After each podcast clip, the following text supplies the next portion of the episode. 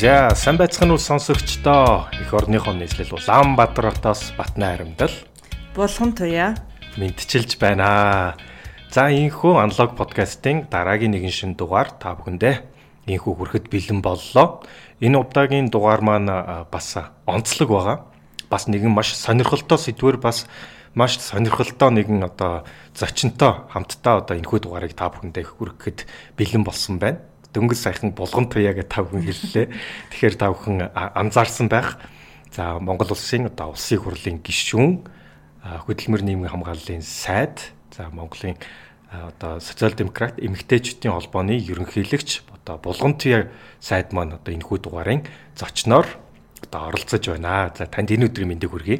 Энэ өдрийн мэндийг хүргэе. За за битэрийн бас сонгосон номын сэдв маань бас зочинтойгоо бас уялдахаар байгаа. А энэ номын одоо нэр маань Women and Leadership буюу за эмэгтэйчүүд ба манлайлал гэсэн нэгэн сонирхолтой сэдвэр бас манлайлагч эмэгтэйчүүдийн бичсэн одоо энэ хүн номыг одоо Монголын бас улс төрд бас нэгэн манлайлж байгаа эмэгтэй одоо сайттай одоо энэхүү дугаарыг энэхүү номыг уншиж одоо бид бид хоёр та бүхэнд ярихад одоо бэлэн болсон байна. За тэгээ мөн одоо булгантай за зочноо бид хүн бас танилцуулах хэрэгтэй. Мэдээж ихэнх сонсогчд маань бол манай зочныг бол ичнэ таньж байгаах. А булгантай сайд маань за битээр дөнгөж одоо сая хоёлаа суугаад ингээд ярьж байлаа. А одоо одоо олон ч оронд те одоо тааж одоо Америк, Япон, за Австрали хятад те одоо маш олон оронд бас сурж байсан, боловсрж байсан, ажиллаж байсан. За тэгээд буцааж их орондоо ирээд одоо улс төрд одоо сүүлийн олон жил бас хүчээ үзэж байгаа. Тэгээд яг өнөөдөр бол бас одоо Монголын улс төрд байгаа одоо манлайлагч эмэгтэйчүүдийн нэг гарцаагүй мөн одоо өнөөдөр улсын хурлын гишүүн болсон байна. За Монгол улсын засгийн газрын гишүүн болсон байна. За бас эмэгтэйчүүдийн томоохон одоо одоо байгууллагын те одоо ерөнхийлөгч болсон байна. Тэгэхээр одоо яг энэ процессор ингээд явхад мэдээж амаргүй байсан байх та. Тэгэхээр энэ талаас хоёлаа яа бас яриагаа ном эхлэхээс өмнө эхлэе гэж бодлоо. Тэгээ тэгээ одоо яг энэ цаг үед нөгөө эмгтээчүүд ба улс төр эмгтээчүүд ба манлайлал гэдэг сэдв маш их юм халуун сэдв болцсон байна тий. Тэг яг энэ цаг үед хоёлаа бас энэ women in leadership гэдэг энэ 2020 онд гарсан ном. Тэгээд одоо бид нар ингээд нөгөө Монгол Монголын улс төр их хэцүү одоо Монгол эмэгтэйчүүд бид нэр бас юм Азийн ёс соёлтой улсын хувьд бас амаргүй байдаг гэдэг юм ойлголт ихтэй байгаад байдаг боловч дэлхийн өнцөг улам бүртэл эмэгтэйчүүд улс төрд за бизнес ч гэсэндээ манлайлж гарч ирэх гэж амаргүй байдаг юм байна гэдгийг энэ номон дээр хамгийн сонирхолтой нөх өгүүлсэн. 2020 онд гарсан энэ ном гарсан даруйда баг бестселлер болсон. Тэгээ одоо би гарсныхан дараахан бүр өөрөө номын санд би гадагшаа хавтан ингээ номын санд орох их дуртай. Тэгэл бүр ингээл төрүүлээд барыг судлаа за одоо ингээл сонирхолтой гоё одоо бестселлер номнууд юу вэ гэд тэгээ би бас ингээд цаас эргүүлж унших их сонирхолтой байхгүй өөрөө угаасаа. Тэгэл цаасаа эргүүлж унших гал бүр номын санд очиж энэ номыг авч ирсэн. Тэгээ тэр дороо бас уншичаад дараа нь саяхан бит хоёлаа нөгөө энэ номор хүү энэ номор гой подкаст хийх юмсан ингээд яс чи номоо олдгоо тий. Тэгээ ариг ариг номоо олсон чи нөгөө жилийн өмнө уншсан ном чи мэдээж айл хэдэ дахиж унших шаардлагатай болоод ингээ энэ номоо хоёр дахь удаага энэ подкастыг хийхин төлөө баш уншсан аа. Гэтэ энэ хамгийн сонирхолтой нь яг одоо манлайлал эмэгт улс төрт ялангуяа эмэгтэйчүүдийн манлайлал гэдэг Америкт ч тэр, Исландд ч тэр, Шинэ Зеландд ч тэр, тэгээ Африкийн улс орнуудад ч адилхан ер нь их амаргүй байдаг. Тэгээд дээрэс нэмээд би одоо өмнө нь бас иймэрхүү women power and politics гэдэг жишээл бол ном уншижсэн. Тэрүүн дээр илүү их юм статистик тэгээд өгүүлжсэн бол энэ яг энэ эмгтээчүүдийн хувийн өөрийнх нь түүхийг өгүүлсэндээ бас их сонирхолтой санагдсан. Тэгээд надад бас их тийм урам зориг өгсөн.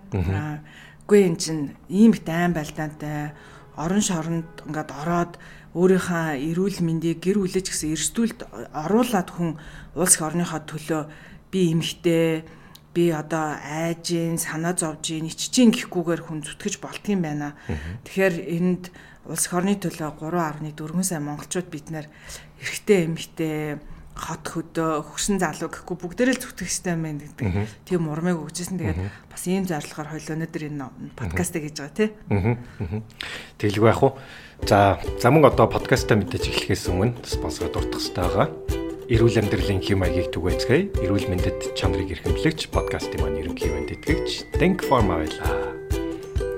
За за энэхүү ном маань Women and Leadership буюу эмэгтэйчүүдэд манлайлал гэсэн сэдв. За хоёр зохиогч нь Julia Gillard гээд Австралийн ерөнхий сайд дасан эмэгтэй байгаа. За хоёр дахь зохиогч маань одоо нэг Ногоси Оконжа Ивела.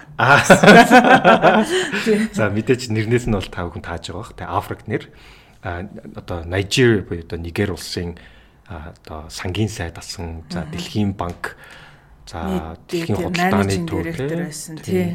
Одоо одоо яг хамгийн сүүлийн ажил нь бол миний санаж байгаа дэлхийн худалдааны төвийн худалдааны байгууллагын одоо одоо менежинг гол одоо managing director general гэж бодсон юм байна. Тийм. Тэгэхээр бас одоо олон улсын карьер болон одоо эх орондоо бас томоохон карьерүүдийг хийсэн томоохон их сургуулиудын бас нөгөө одоо хүндэт профессорын цолыг авсан бас дэлхийд бас алдартай одоо манлайлагч эмэгтэйчүүдийн нэг байгаа. Тэгэхээр хоёр манлайлагч эмэгтэйчүүдийн а өөрсдийн одоо туршлага болон бусад одоо дэлхийд даяар байгаа маллаалагч эмэгтэйчүүдийн одоо амьдрал одоо туулж давж байгаа бэрхшээлүүдээр үндэслэж бичсэн одоо энэ хүү нэг гайхалтай бүтээл байгаа. Тэгэд яг магадгүй би зүгээр бодож байгаа өөр жирийн нэг хүн энэ ярьцлагыг хийя гэд энэ мундаг хүмүүсээр хандсан бол уулзалтын цаг авахд ч хэцүү байсан байж магадгүй. Тэгэхээр нөгөө Жулия Жилиер Ногози гэдэг энэ хүмүүс нөгөө ажлынхаа хэмжээнд Жасинда хард дэрнтэй тий нөгөө Шинзланд ерөнхий сайттай. За дээрэс нэмээд одоо Чилийн ерөнхий ерөнхийлөгчтэй тэргээд Хиллари Клинтонтай Кристин Лагарттай гэдэг ингээ эдгэртөө бүгдөө ажил хэрийн шугамар уулздаг байсан учраас дараа нь энэ номыг бичгээд уулзахад бас их төхөмтэй байсан болов уу гэж бодож байгаа. Дээрэс нь энэ номыг бичгээд нэлээд олон энэ эмэгтэйчүүд өөрснөө одоо өндөр албан тушаал гарч ирсэн. Ерөнхий сайд байсан. Дандаа л том манлайлагч манлайлагч эмэгтэйчүүд. Одоо Кристин Лагард гэхэд Европын төв банкны тэргүүн баа шүү дээ. Тэгэхээр ийм хүмүүстэй цаг авч уулзаж энэ номыг бичнэ гэдэг бол амаргүй тэгэхээр магадгүй би зөвөр энэ энэ мундаг хүмүүс бичсэн дээрэс нэмэх зөв асуултуудыг зөв өнцгөөс өөрөө өөрснөө туршлагаас харж бичсэн болоо гэж бодсон. Харин тэгэхээр номноос ч гэсэн яг одоо тэр хүмүүсийн бодит амьдралын жишээнүүдийг ингээ гарч байгаа юм те. А тэгээ бас дээрэс нь зүгээр нэг хүмүүсийн яриа биш. А энэ одоо нэгсэндөө хоёр зохиогч маань бүгд hypothesis буюу дандаа тийм яагаад эмгтээчүүд одоо жишээлбэл ингээд тухайн нийгэмдээ улс төрд ч юм уу те. Ингээд марлаалж гарч ирэхэд тулгарч байгаа асуудлуудыг одоо шинжлэх ухааны үндэслэлтэйгээр ингэж бас бичиж тэрийгэ батлаж харуулах гэж оролцсон нь бас энэ номын томоохон онцлог юм болов уу гэж бодож байна. За тэгээд хоёлоо тэгвэл бас олныг нуршилгүйгээр тэгвэл одоо хоёлоо ном руугаа оръё тий. За ном маань нийтдээ 8 hypothesis тий. Hypothesis буюу нийтдээ бол яг том бүлгээр бол 12 бүлгээс одоо бүрддэг байгаа. За тэгээд тэгээд одоо 8 магадлал гэх юм уу да 8 асуудлыг төвшүүлж гаргаж ирж тавьсан. Тэгээд эмгтээчүүд улс төр ихт ерөөсөө л дэлхийн хаанч энэ 8 асуудлуудыг л ярьдгийм байна гэлтэнгүүт та нар бараг л заримаас нь гадарж байгаахтай нөгөө гэр бүл хүүхэд. Одоо надаас бол аюут гэж байдаг байхгүй би ингээ эмгтээчүүдтэй байдаг юм уу яриа ихээр ингээл хамгийн түрүүнд бараг л «Э, та одоо гэр бүл хүүхдээ яаж зохицуулдаг вэ? гэл тээ тэгэл зарим нь бараг л одоо танаа нөхөрчин тэгвэл одоо ажил хийдгүү гэсэн үггүй гэх нь те тэгэхээр яг нөгөө эмгтэй хүн улс төр хийхэд л яригддаг гол 8 асуудлыг бас энүүн дээр гаргаж ирж бичсэн нэг сонирхолтой. Аа. За зөв. Тэгэхээр энэ эмгтээчүүд толгорж байгаа асуудлууд бол яг таны түрүүд шиг хэлсэнчлэн энэ номон дээр бол дурдсанаар бол хөгжсөн хөгжин хөгжиж буй орнуудаас хамааралгүй ерөөхдөө одоо нийгэм даяар, дэлхийд даяар одоо яг адилхан байгаа тулгамдж байгаа асуудлууд мэдээж цар хүрээний хувьд арай өөр өөр. А гэхдээ өнөөдөр яг энэ асуудлууд жишээлбэл энэ номыг уншсан нь одоо Монголд байгаа эмгтээчүүд ч гэсэн яг л адилхан тэ одоо тусгаар ингэж бас харагдаж байгаа. Тэгэхээр сонсогч та бүхэн маань ч гэсэн бас одоо энэ хүү асуудлуудыг ярихад тэ өөр дөр бас нэг тосгож хараад өөрийн өнцгөөс бас нэг дүнэлтэйгэд үзээсэй гэж бас бодож байна. За. За тэгвэл За тэгвэл эхний бүлгээсээ тэгвэл эхлэе. За. За тэгэхээр эхний бүлэг маань одоо doing the numbers буюу тоон хэлээр. Тэгэхээр одоо жишээлбэл Оскарын шагнал за Оскарын шагнал авсан хүмүүсээс ялангуяа одоо best director буюу одоо хам шилдэг найруулагчийн шагналыг авсан хүмүүс дотор эмэгтэй хүн байна уу гэж харах юм бол ганцхан хүн байдаг юм байна. А 92 Оскарын шагналыг авч ирсэн шилдэг найруулагчаас ганцхан эмэгтэй буюу тав хүн санаж байгаа бол Catherine Bigelow The Hurt Locker гэдэг киноныхаа одоо найруулагчийн шагналыг авсан байдаг. Энэ бол ингээд нэг одоо жишээ байгаа юм л да. Тэгэхээр ер нь альва манлайлал дотор эсвэл одоо шагналуудаас ч гэх юм уу те дандаа аваад үзэхэд яг хідэн эмхтэй байна вэ гэж аваад үзэхэд одоо маш ойлгомжтой жишээнүүд харагдаж байгаа. Жишээлбэл одоо тухайн улсын ерөнхийлөгч буюу ерөнхий сайд буюу те хамгийн өндөр одоо одоо павертай албан тушаалд одоо хідэн эмхтэй байсан бэ те. За одоо жишээлбэл олон улсын байгууллагуудаас одоо хідэн одоо эмхтэй одоо лидерүүд гарсан байдаг байж гэх юм уу те.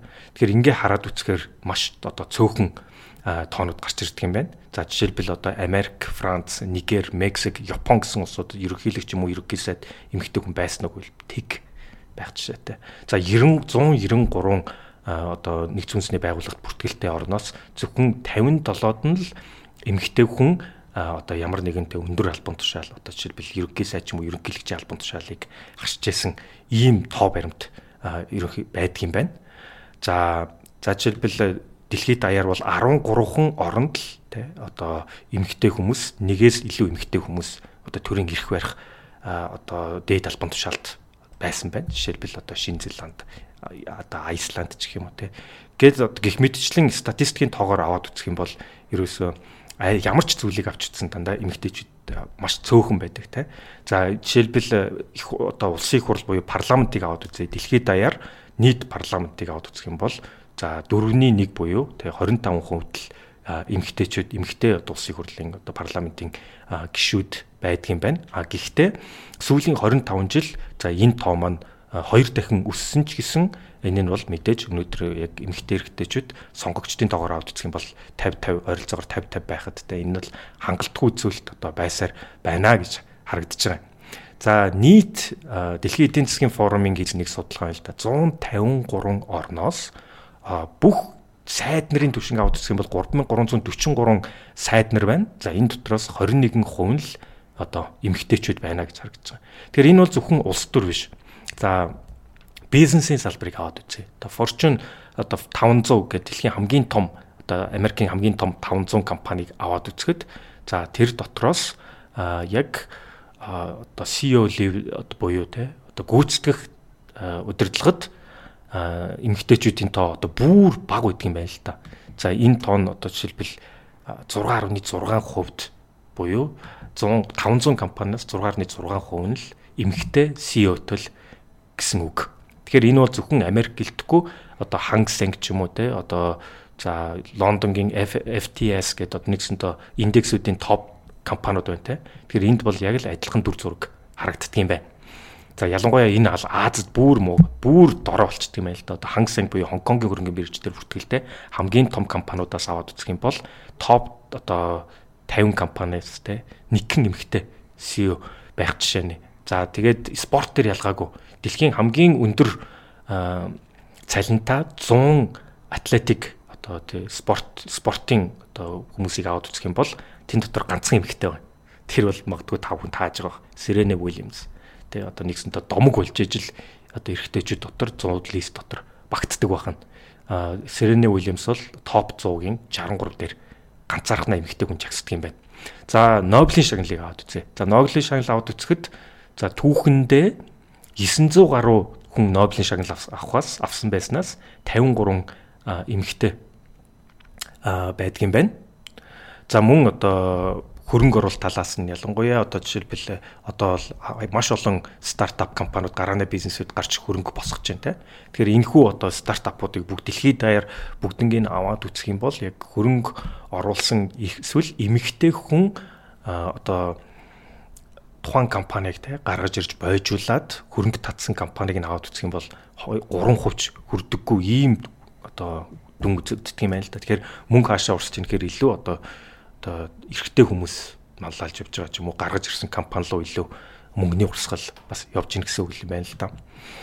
За тэгэхээр энэ бол статистикийн хэлээр аваад үзэхэд за ийм байна. А хэрвээ өнөөдрийн одоо хурдаар тийм үү. Одоо жишээлбэл яг сүүлийн 25 жил бол бас нэлээд прогресс гарсан байгаа яг ялангуяа эмэгтэй манлайлагчд улс төр нийгэм эдийн засгийн түвшинд одоо манлайлах түвшинд гарч ирэхэд а гэхдээ яг энэ хурдаар явах юм бол яг 50 50 болох хугацаа нь нэгсэндээ 95 жилийг авна гэж байгаа. Тэгэхээр өнөөдрийн одоо байгаа хурдан тэгвэл нэгсэндээ бас одоо хангалтгүй үр дүн үзүүлж байна гэж эндээс дүгнэлт хийж болно гэж одоо хоёр зохиогч маань энэ дээр үтсэн байгаа. За тэгэхээр статистикийн тоогоор бол ийм байгаа. За шинжлэх ухааны талаас нь аваад үзэх юм бол за эрэгтэйчүүд эмэгтэйчүүд эсвэл цаанаас өгөгдсөн потенциалын хувьд адилхан байдаг юм уу үгүй юу гэж бас нэг асууж магадгүй л да тий. Магадгүй эрэгтэйчүүд илүү одоо тархины хөгжил нь өндөр өндөр байдаг ч юм уу тий. Судалгаанаас аваад үзэхээр бол мэдээж эрэгтэйчүүд эмэгтэй хүнээс дунджаар бол том илүү том тархитай. Яг л нөгөө яагаад гэхээр том биетэй тий одоо том уушигта том одоо зүрхтэй гэдэг шиг л багхгүй да. Тэр а тэрнээс биш яг одоо одоо логик сэтгэлгээг хөгжүүлсэн одоо одоо cerebral cortex гэж байдаг шүү дээ. Одоо тархины одоо яг нөгөө логик сэтгэлгээг гаргаж ирдэгтэй илүү боддог тарих гэсэн үг л дээ. Тэгэхээр тэрийг нь аваад үзэх юм бол дунджаар эмгтээчүүдийн илүү одоо статистикийн хэмжээгээр илүү том байдаг юм байна. Тийм сонирхолтой гоц. Тэгэхээр ийм судалгаанууд байдаг юм байна л да. Гэхдээ хаа нэгтээ бид нар нийгэм дотроо эрэгтэйчүүд одоо эмэгтэй хүүхд эрэгтэй хүүхдийг хөрдөгтэй хүртэл одоо эрэгтэй хүүхдэд те одоо илүү те одоо манлайлагч болно. Охиноо болохоор илүү одоо те одоо жоохон жоохон босс явах юм бол те одоо лидл одоо босси бүүц гэдэг ч юм уу те эмэгтэйчүүдээ болохоор илүү хөөрхөн бай, октод бар бишиг бай те. А банднараа болохоор илүү одоо маллаалагчиг бай, эрч хүчтэй бай те. Гिच зоригтой бай гэл те. Сургахтаа хүртэл тэр хүүхдүүдийг багаас нь ингэж сургасан нь буцаад тэр соёлонд буцаад эмэгтэйчүүдийг маллаалын төвшөнд гарч ирэхэд нь бас ингэж одоо даваа хашиг болж өгдөг нь эндээс ингээ харагдаж байгаа юм л да. Тэгэхээр энэ номон дээр хоёр зохиогч маань ер нь эмэгтэйчүүдийн талаар тэ гендрийн талаар энэхүү бидний авч үздэг одоо бодол авч үздэг одоо санаа маань бидний баг ингээд ботсон бодоогүй те одоо нэгсэнтэй баг 70 тухамсарт хүртэл тийм bias буюу тийм хитрхийн нэг талыг барьсан үзлийг ингээд суулгачдаг юм байна гэдэг одоо магадлалыг дэвшүүлж за тэрийгэ бол дотор нь 8 магадлал дотор хувааж агаад анализ хийж тэрнээсээ одоо нөгөө нэг магадлал тэр магадлалаа одоо баталж харуулах гэж одоо энэ номоо бол ерөөхдөө хувааж бичсэн байгаа юм л та. Нөгөө санаж нөө тэгж ярьдаг ч бид нар охтуудтай болохоор дандаа куклтай авчигвал үлгэдэл тоглоолтой ингээл хайрлал ерөөс эмхтэй хүүхдийн тоглоом гэхэр баг тийм байдаг. А эрэгтэй хүүхдийн тоглоом гэхээр ингээл машин тэрэг лего тэ угсардаг эвддэг. Одоо тийм байх хэрэгтэй юм шиг ингээ боддог. Тэгээд яаж бид нар хүүхдүүдэд өсөж байгаа гэдг нь ирээдүйд тэр бас хэн болох вэ гэдгийг бас тодорхойлоод идэг юм а гэд сүүлийн үед эрэгтэй эмэгтэй хүүхдүүдийн тоглоомыг өнгөөр нь ялгах. Тэгээд заавал эрэгтэй хүүхдийн юмар эмэгтэй хүүхдийн юмар тоглохыг бид нар бас юу байхгүй байх те. Хөчлөхгүй байх гэдэг тийм уурсгал гараад байгаа шүү дээ. Тэгэхээр энэ нь өөрөө буцаад нөгөө эрэгтэй эмэгтэй дөнгөж нөгөө өсгөөс нь те хоёр хоёр хэсэг хуваагаад те а манлайллын хувьд ч гэсэн нэгсэндээ эрэгтэйчүүд нь илүү байдаг шүү гэдэг тэр одоо хүмүүжлийг багаас нь те нэгсэндээ бид нар анзаарсан анзаарахгүйгээр яг нийгэм дотор ингэж өгсөөр байгаад одоо яг ингээд манлайллын төвшөнд гараад ирэхээр ингээд хоёр том ялгарл болгоод гарч ирдэн тэрнээс ингээд бас эхлэлтэй гэж тооцоод байгаа юм л да. Тэгээ бас нэг сонирхолтой нь ер нь ингээд статистик аваад үзсэн ч гэсэн яг эмэгтэй хүмүүс альва компаниг ч юм уу те эсвэл одоо маш асуудалд орцсон одоо worst times буюу хамгийн хүнд үед эмгтээчүүдийг гаргаж ирдэг гинэ. Яагаад тэгэхээр нөгөө эмгтээчүүдээ одоо нэгсэндээ ихийн хувьд илүү одоо одоо хайрладаг те илүү халамжилдаг гэдэг утгаараа тэр үед эмгтээ манлайлыг одоо илүү гаргаж ирэх одоо магадлал өндөр байдаг одоо жишээлбэл тухайн компанид тэ асуудал гараад тэгэхээр амар хүнд асуудалд оронгууд эмгтэй CEO тавих гэж хайдаг юм л дээ. Бас нөгөө нэг уналтанд бас мундаг эрхчүүд өөрөө өөрийнхөө нэрийг наахыг бас хүсдэг байдаг гинэ. Харин тэ тэгэхээр нөгөө эртөө тэргүй эмгтэй тий нөгөө талаас тэр бас номдоор гардаг штэ. Тэгэд эмгтэй хүнд угаасаа өдөрдөгч болох шансыг ховорхон олддог учраас уналтын цэгт ч хамаагүй гэж дарга болох үйл тэгэхээр заа заа одоо надад дахиж баг юм шанс олдохгүй юм чинь тий. Азаа үзээд алдъя да гэж боддог. Нэмтэн 50 50 тэгж хаас байгаа хгүй тэнд. А эрэгтэй хүн бол за одоо тэгж одоо өөр өөрийнхөө өндөр явж байгаа карьерийг унгаад явгүй гэж тэр уналтанд өөрөө өөрийнхөө нэрийг хүснэх сонирхолтой байдаг. Тийм тэгэхээр одоо нэгсэнтэй хоёр талаас нь ингээд тайлбарлах юм бол юм байгаа. А тэгээ энэ дээр бас нэг сонирхолтой статистик байгаа. За эдийн засгийн нэг судалгаа байна л да. Хэрвээ бид нэр gender equality буюу одоо нэгсэнтэй хүйсийн тэгш хэмжээгээр одоо манлайлалын түвшинд авчирч чадах юм бол дэлхийн эдийн засгийг те одоо нэгсэндээ дотоодын нэгтгэгдхүүнийг 28 триллион доллар буюу одоогийн байгалийн түвшнээс 26 хувиар ахиулах маш том потенциал байна гэсэн. Тэгэхээр энэ зүгээр гендерийн асуудал биш эдийн засгийн том потенциалыг одоо бүтнээр нь гаргаж ирэх юм бол эмэгтэйчүүдийг илүү одоо оролцоотой одоо манлайлалын төвшөнд ч гэсэн бүх бүх төрлийн төвшөнд оролцоотой байлгаснараа нэгсэнтэй бид нар ашиглаж чадахгүй тэр эдийн засгийн потенциалыг ашиглах одоо бүрэн боломжтой гэсэн ийм тооцоол бас харагдаж байгаа нь бас маш сонирхолтой юм л да. Аа. За За тэгээд дараагийн бүлэг нь болохоор одоо нэг одоо hypothesis руу гарч байгаа юм л та. Тэгэхээр it's all about Тэр чинь миний таны дараа. Тэр нэг бүлгүүдээ хувааж авч ярьж байгаа байхгүй шээ гэсэн чинь одоо миний бүлгийг хасгаж байна. Тийм. Одоо энэ дээр нөгөө энэ ярьслаг хийсэн эмгтээчүүдэд танилцуулдаг. Тэг үнэхээр юм бас дэлхийн мундаг эмгтээчүүдийг дандаа авсан байдаг. За энүүн дээр мэдээж бизнесийн салбарын, урлагийн салбарын, спортын салбарын гэдэг дааж гисэндээ энэ удаа энэ ном дээр улс төрийн лидер эмгтээчүүдийг фокуслсан байна. Тэгээд улс төр гэдэг бол тэ бас өөрчлөлтийг авчиж авчирч чаддаг бас нэр хүндтэй за дээрэс нь мэд олон хүний амьдралд нөлөөлж чаддаг бас юм мундаг карьер юм аа. Гэхдээ эмэгтэйчүүд энэ улс төр дотор бол одоо өөрийн ирэхгүй маш их дарамттай, стресстэй, олонний өмнө байдаг улс төр заримдаа одоо угаасаа улс төр бол тийм яг тийм экстрим газар ахгүй тэгээд хүмүүс хамаргүй шийдвэрүүд гаргадаг. Тэгсэн мэт хүмүүс таалагдах ёстой юм шиг те. Тэгээд энэ дотор эмэгтэй хүн бол эрчүүдтэй өрсөлдөж явхад бас хэцүү. За эрчүүдийн хувьд ч гэсэн одоо зүгээр миний ингээ харж байгаа өнцгөр угаасаа одоо хамгийн амбицтай, чадвартай тийм бас юм эрчүүд бас угаасаа өрсөлддөг. Эрчүүд эрчүүдтэй ч бас хайр найргүй заримдаа ханддаг юм талбар. За манлайлал гэдэг бол салбар болгонд л ийм л байдаг. Тэрүүн дотор эмэгтэй хүн орж ирээд өрсөлдөнө гэдэг бол а одоо амаргүй байдаг аа. Тэгэд энэ номонд хөгжиж байгаа орнууд, хөгжсөн орнууд, буруу хөгжилтэй орнуудын төлөөллүүдийг бас хамруулсан байгаа. За Чили, Либер, Малави, Малави, Шинзланд, Норвег, UK гэд улсуудын сайд, ерөнхий сайд, ерөнхийлөгч хийж байсан ийм эмгтээчүүдийг харуулсан байж хамруулсан байж байгаа. За Шинзландын ерөнхий сайд байсан Часанда Ардерн, Элен Джонсон Серлев гэд Либерийн ерөнхийлөгч байсан эмгтээ. За Малаваас Малав улсаас болохоор Joyce Banda гээд энэ эмэгтэйг гээд за тэгээд Норвегиас ерөнхий сайданд байсан Эрна Солборг за энэ номыг бичиж хахад ерөнхий сайд нь хിവэрэ байсан. За Жасинда Ардер нь бол одоо ерөнхий сайдаа өгцөн. Гэхдээ энэ номны үед бол ерөнхий сайд байсан гэд ийм улс орнуудын эмгтээчүүдээс за мөн олон улсын том байгууллага удирдах явж байгаа Английн ерөнхий сайдаас нь Тереса Мэй, за Америкийн ерөнхийлөгчд өрсөлдсөн Хиллари Клинтон, за мөн олон улсын валютын сангийн ерөнхий тэргүүн Кристин байсан Кристин Лагард гээд энэ эмгтээчүүдийг хамруулсан байна. За хин Кристин Лагардын хувьд болохоор яг төрийн тэргүүн энэ төр байгаа ч гэсэндээ олон улсын валютын сан гэдэг дэлхийн том байгууллагын хамгийн анхны эмэгтэй дарга байсан учраас оруулсан байгаа. За Ангела Меркелийг оруулах гэсэн амжаагүй. Тэгээд энэ эмэгтэй бол одоо Германик канцлертэй бид нар бүгд мэднэ 2005 оноос 2021 он хүртэл төрийн тэргийн хийсэн дэлхийн хамгийн удаан төрийн тэргүүн хийсэн ийм эмэгтэй байж байгаа байж байгаа. За мэдээж энэ хүмүүс бол өөрснөө бүгдээрээ л өөрийн гэсэн дэмжигчтэй бас айгүй хүчтэй эсэргүүцэгчтэй байдаг гинэ. Эмэгтэй ингээ удирдахчтэй хувьд. За магадгүй эдгээр дотроос зүгээр ингээ уншихад хамгийн хэцүү замыг тулсан эмэгтэй бол Либерийн ерөнхийлөгч байсан Эллен Джонсон Сирлеф гэдэг энэ эмэгтэй одоо миний ингээд энэ түүхэн дотроос уншихад хамгийн хэцүүд бас замыг тулжээ гэж харагдсан 2006-аас 2008 оны хооронд энэ улсын хамгийн анхны бөгөөд цорын ганц ерөнхийлөгчөөр сонгогдсон эмэгтэй Африкийн улс орнуудын хамгийн анхны эмэгтэй ерөнхийлөгч болсон. Тэгээд энэ улс бол бас их энэ Африкийн улс орнуудын хувьд бас их тийм энэ цаг үе бол докторгүй одоо салан тусгаарлсан, нийлсэн, төрийн эргэлт болсон, цэргийн эргэлт болсон бас юм цаг үед байсан. Энэ улс бол 1947 онд үндсэн хуульд тусгаар улс болсон. 4.8 сая хүн амтай 89-с 2003 он хүртэл иргэний дан болж исэн 250 мянган орчим хүн налагдсан.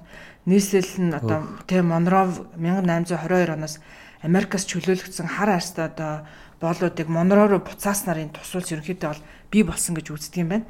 Тэгээ 1938 онд энэ Эвэл нь бол төрсөн 68 настайдаа ерөнхийлөгч болсон. Хөө 68 настай эмэгтэй юм. Тэгэхээр энэ олон энд байгаа эсрэгээр энэ олон эмэгтэйчүүд бид нар нөгөө нэг ингээд залуу багаад эмэгтэй байх юм бол улс төрд явна гэж боддог. Эсрэгээр энэ эмэгтэйчүүд бол насныхаа нэлээд сүүлд улс төрд их манлайлагч болж орж ирсэн байдаг. Тэгэхээр эмэгтэй хүний хувьд магадгүй эднэр бүгд нэг гэр бүлтэй амь амьдралаа нэлээд босгож иж бас энэ улс төрд бас зарим олсон байж байгаа.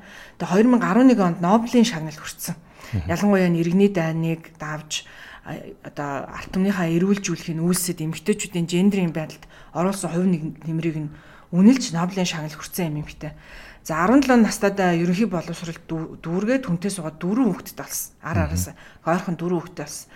Тэгээд одоо бүр 1957 онд одоо хоёр нэг насны зөрүүтэй хоёр хүүтэй болоод нөхөр нэгтэй мундаг бас боловсралтай хүн байсан. Америк нэгдсэн улс хөдөө аж ахуйн чиглэлээр сурсан.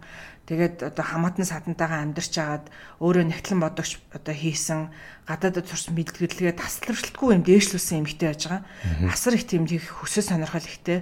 Нөхрийгээ дагаар Америк нэгдсэн улсад одоо явхад нь би давхар утас сурмаар байна гэд шалгалт өгөө тэнцээд Америк нэгдсэн улсад бизнесийн удирдлагаар явж сурч исэн. Тэгэхэд ингээд баг хүн нэг настаа ингээ үлдчихсэн гэд. Тэгээ тэр өөрийнх нь хувьд хэцүү байсан. Гэтэ ингээ эднэрийн амьдрал заримдаа ингээ монголчууд бид нартай ойрхон санагдсан. Тэгээ нөө нэг ээж аавдаа ингээ үлдээгээд явах нь бол айгүй нормалны үзэгдэл юм байна. Монгол бид нар ч гэсэн тийм дээ. Би ч хүүхдээ нэг настад нөө хүүхдээ үлдээгээд Америкт сургуульд явжсан байхгүй. Нэг нас баг хүрээг багт нь. Тэгээ нөхөр нь их тийм хартай маш зодддаг. Бүр сүулдэ их нэртэй буу тулгаж занал хилдэг ийм хүн байсан. Тэгээд одоо эхнэр нь юм хөсөл мөрөөдөлтэй амбицтай байхыг нь э, бүр дарддаг. Тэгээ өөрийнх нь удирдлагаас гарах гад байна гэж их э, одоо бас өөрт нь эрэгтэй хүний хувьд хэцүү байсан юм шиг байгаа Африк эрэгтэй хүний хувьд тийм. Тэгээд эсэргээрээ энэ эмэгтэй надад ингээ манай нөхөр их дарамтлж исэн заримдаа надад бүр улам их хүч зоргийг өгч исэн гэж гэж хэлжсэн. Тэгээ дөрвөн дөрвөн хүүхэдтэй энэ цаг үед бол хүннээс Африкт бол сална гэдэг үл их тийм ховорхон үзэгдэл байхад энэ эмэгтэй нөхрөөсөө салах юм зориг гаргаж дөрвийн дөрвөн хүүхдээ. Гэтэ эдний хуулиар салах юм бол нөхөрт нь өгдөг гинэ. Тэгээд тэг хүүхдүүдээ тэгээд надад сална гэдэг шийдвэрийг гаргахад хэцүү байсан. Тэгээд би миний гурван хүүхдийг аавд нь үлдээгээд хуулийн дагуу ба доороос хоёр дахь хүүхэд нь ээжтэйгээ үлдэнэ гэж уйлсаар уралсаар байгаад хүүхэд аавтайгаа ээжтэйгээ үлдчихсэн гэд. Энэ нэмэгтээ олон удаа одоо сангийн аманда буцаж ирээд ажилд ороод олон удаа бас юм одоо төр засгийнхаа эсрэг үг хэлж исэн байгаа юм. Тэгээд шүүмжлэл хийж исэн тийм. Тэгээ өөрийг нөгөө нэг одоо түрүү нөгөө салхтай холбоотойгоор бүр сүултээ 8 настай хүн аавыгаа ааваасаа ээжийг ээжд нь бууд тулахт нь аавыгаа өмөрч ээжийнхаа урдуур орохыг хараад за би ерөөс хүүхдүүдийн талаас салах хэрэгтэй байна гэдэг энэ шийдвэрийг над гаргахад их нөлөөлсөн гэдэг. Тэгээд энэ нэмэгтэй амьдралдаа дөрөв удаа шоронд орох эрсдэлд орж исэн. Нэг удаа бүр шоронд орж исэн.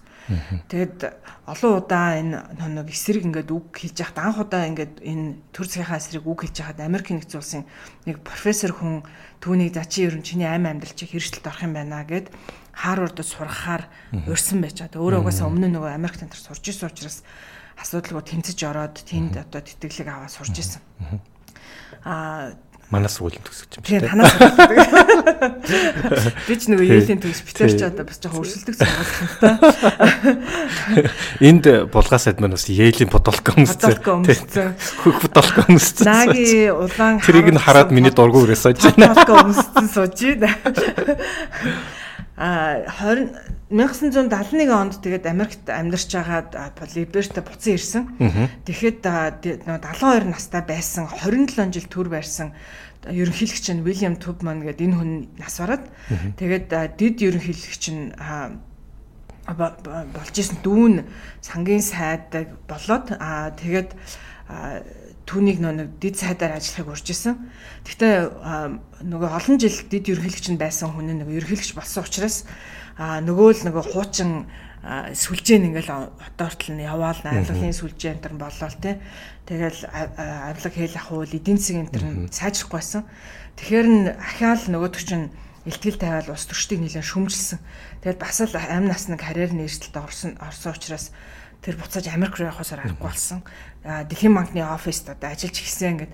Тэгээ олон удаа ингэж Америк руу наашаа цаашаа явж байгаад энэ хугацаанд Дэлхийн банк, Сити банкнд ажиллаж байгаад буцаж Америк Либерт очиж одоо бас ахаад бүр шоронд ороод 9 цар хэртэй шоронд хоригдож байгаад сонгуульд өрсөлдөж 2005 онд одоо ерөнхийлөгч болж ижээ 6 жилийн ерөнхийлөгч болоод 2011 онд дахин сонгогдсон. Тэгэхээр хоёр удаа сонгогдсон. Хоёр удаа сонгогдсон. Тэгэхээр энэ нэмэгтэй магадгүй эдгээр дотроос миний ингээ уншсан дотроос хамгийн хэцүү түүхийг бас туулсан эмэгтэй.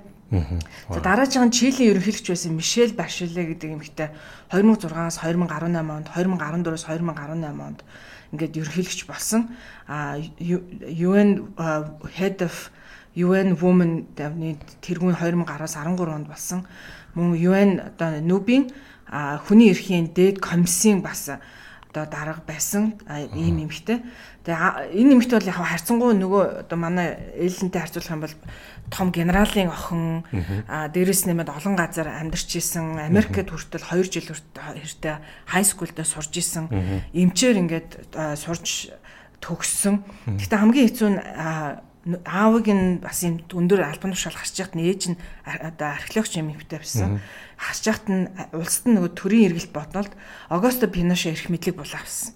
За ингээд Пиноше гарч ирээд аавыг нь хориод нөгөө цэргийн том генерал хүн байсан учраас хэлсдүүлээд төрийн эсрэг гимт хэрэг үйлдсэн гэж хэлсдүүлээд аав нь шоронд нас барсан.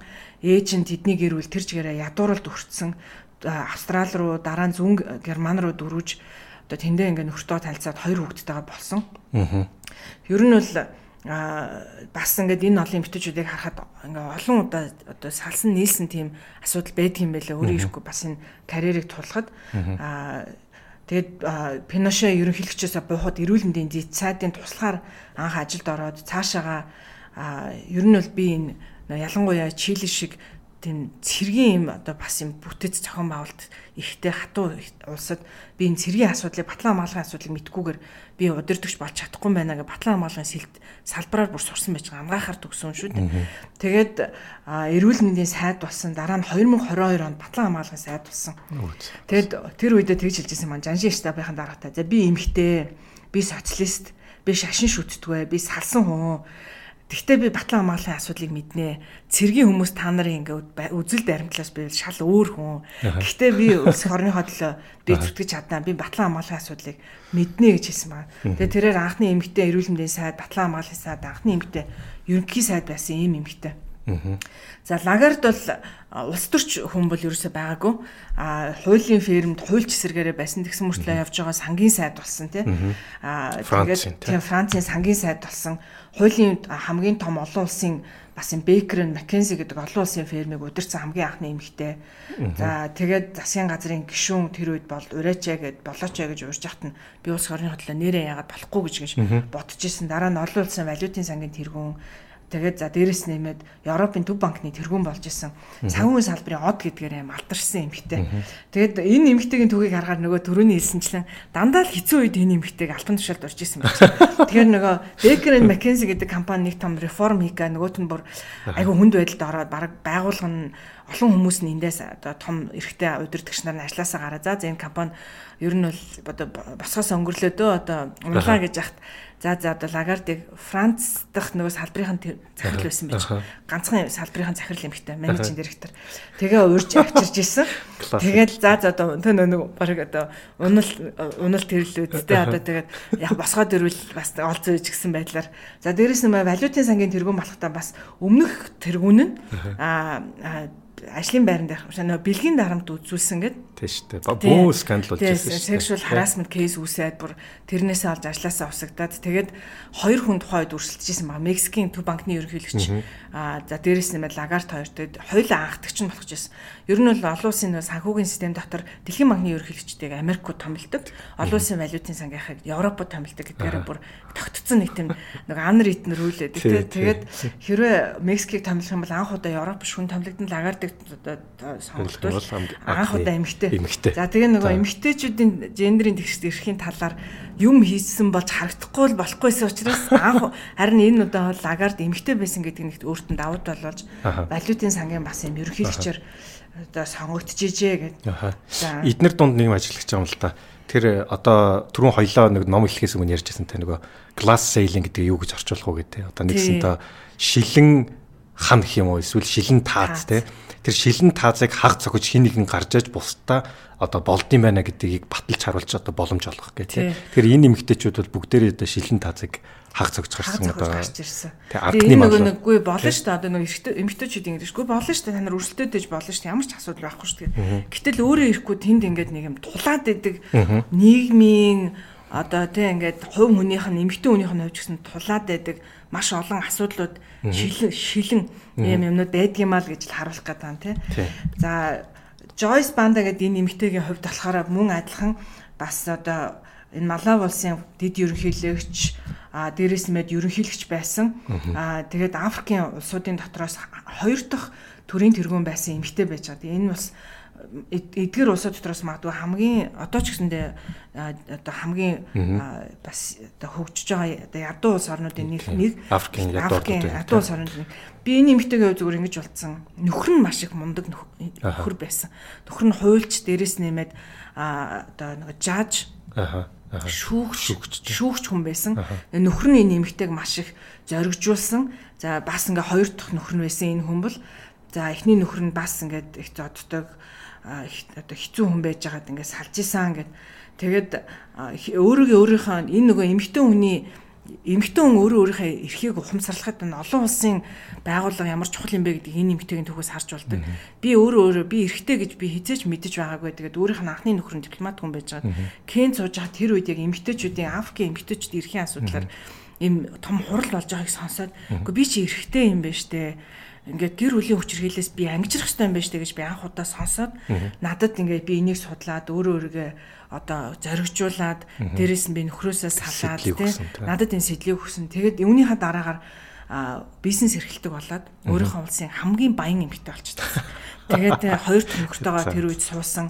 Тэгээд өөрөө өөрийгөө өөрөө юм том мундаг баян эмэгтэй болохтой би бусад эмэгтэйчүүд туслах хэрэгтэй гэд бизнес эрхлэгч эмэгтэйчүүдийн холбоо байгуулад 50 мянган эмэгтэй гэгнэндээ нэгтгэхэд 20 мянган эмэгтэйд бичил зээл сан дэмжлэг үзүүлсэн. Тэгээ энэ нь бас өөрийг нь улс төрд яваад маш нөлөөл болсон. Дараа нь ингээд олон удаа энэ эмэгтэй шоронд оргоо шахаад одоо шоронд ч орж исэн. За ингэж яхад энэ нөгөө өөрийнх нь дэмжсэн олон эмэгтэйчүүд түүний эргэн тойрны олон хүмүүс өөрийнх нь эсрэг босож тэгээд дэмжиж ингээд хамгаалж исэн. Тэгээд тэр нь бас тус нэмэр болж исэн.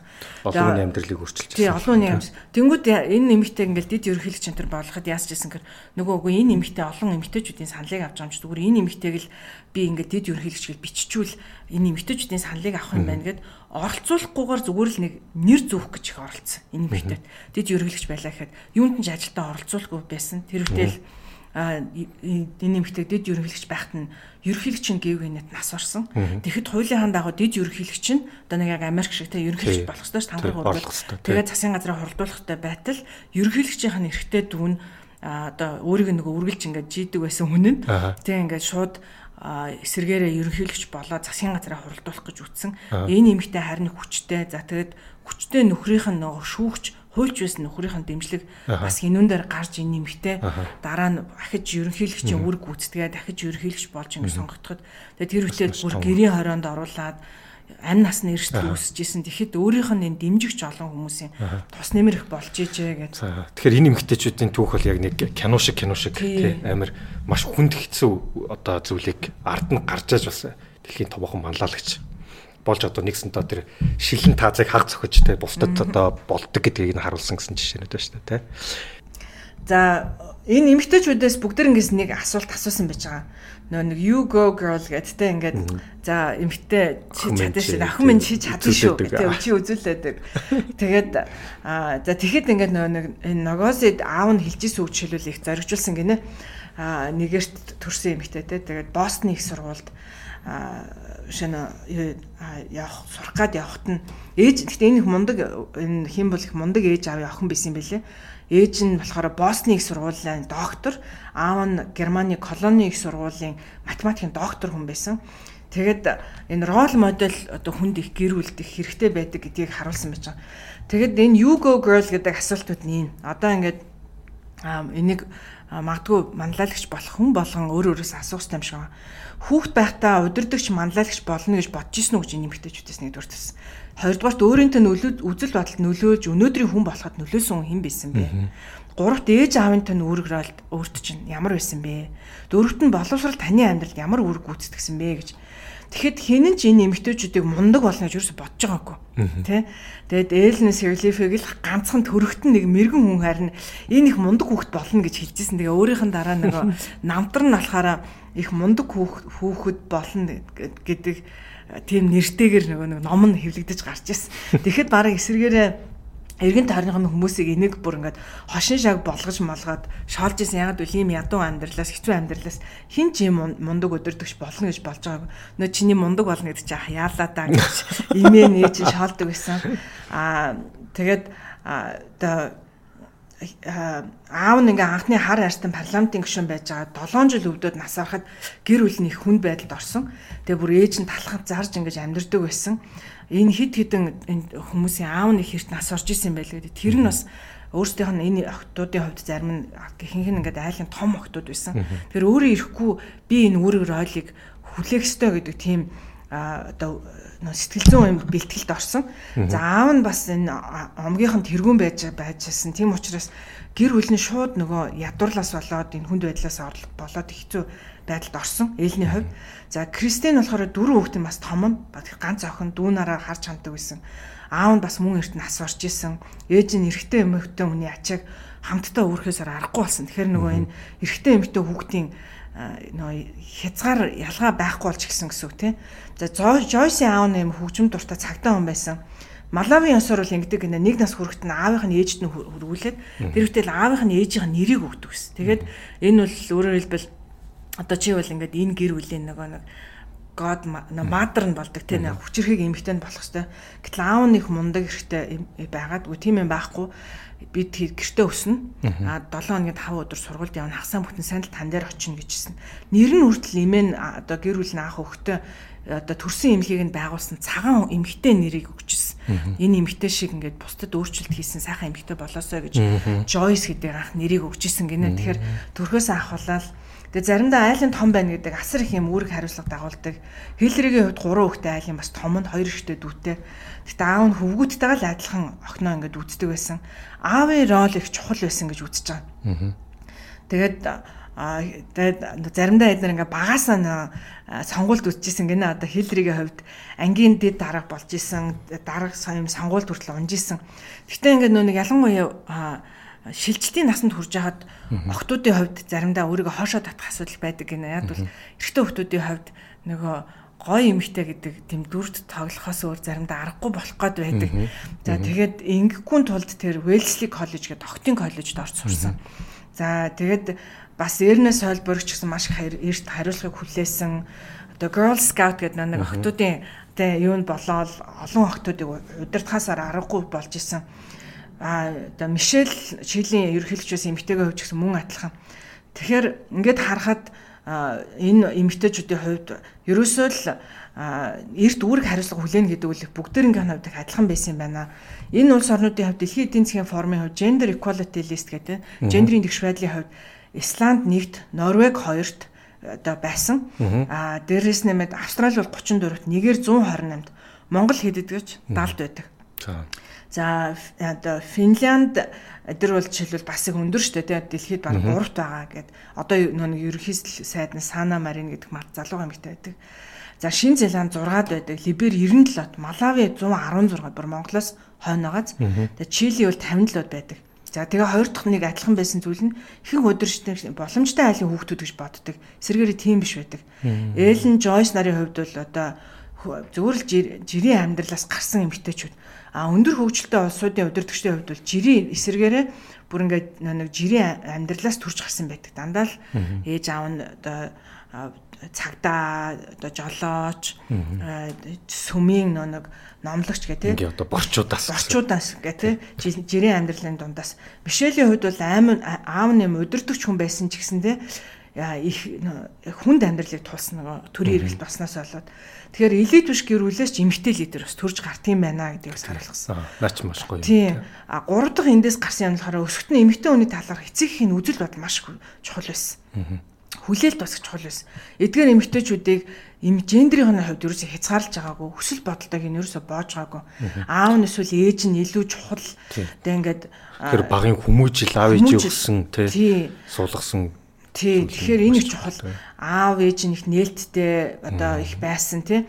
Гэхдээ аав ээж нь хуйлаа юм байсан гэж байгаа. Магадгүй аав нээлттэй ээж нь илүү консерватив байсан бол яах вэ гэдэг энэ тийм юм ерөөс энэ гэр бүлийн донд байгаагүй. Аав нь ч ээж нь ч аль аль нь хүүхдүүдээ чи эмгтэй юм чинь чи хоошоо өөрийгөө татах ёстой. Чи одоо хичээл номоор яадгийн гэж хинч ерөөсөө хэлж байгаа гэж байгаа. Тэгээд дээрэс нэмээд гэр бүл гадаад ертөнц одоо энэ энэ гендерийн ойлголтын тухай их нээлттэй ярилцах нэг зөв юм байна.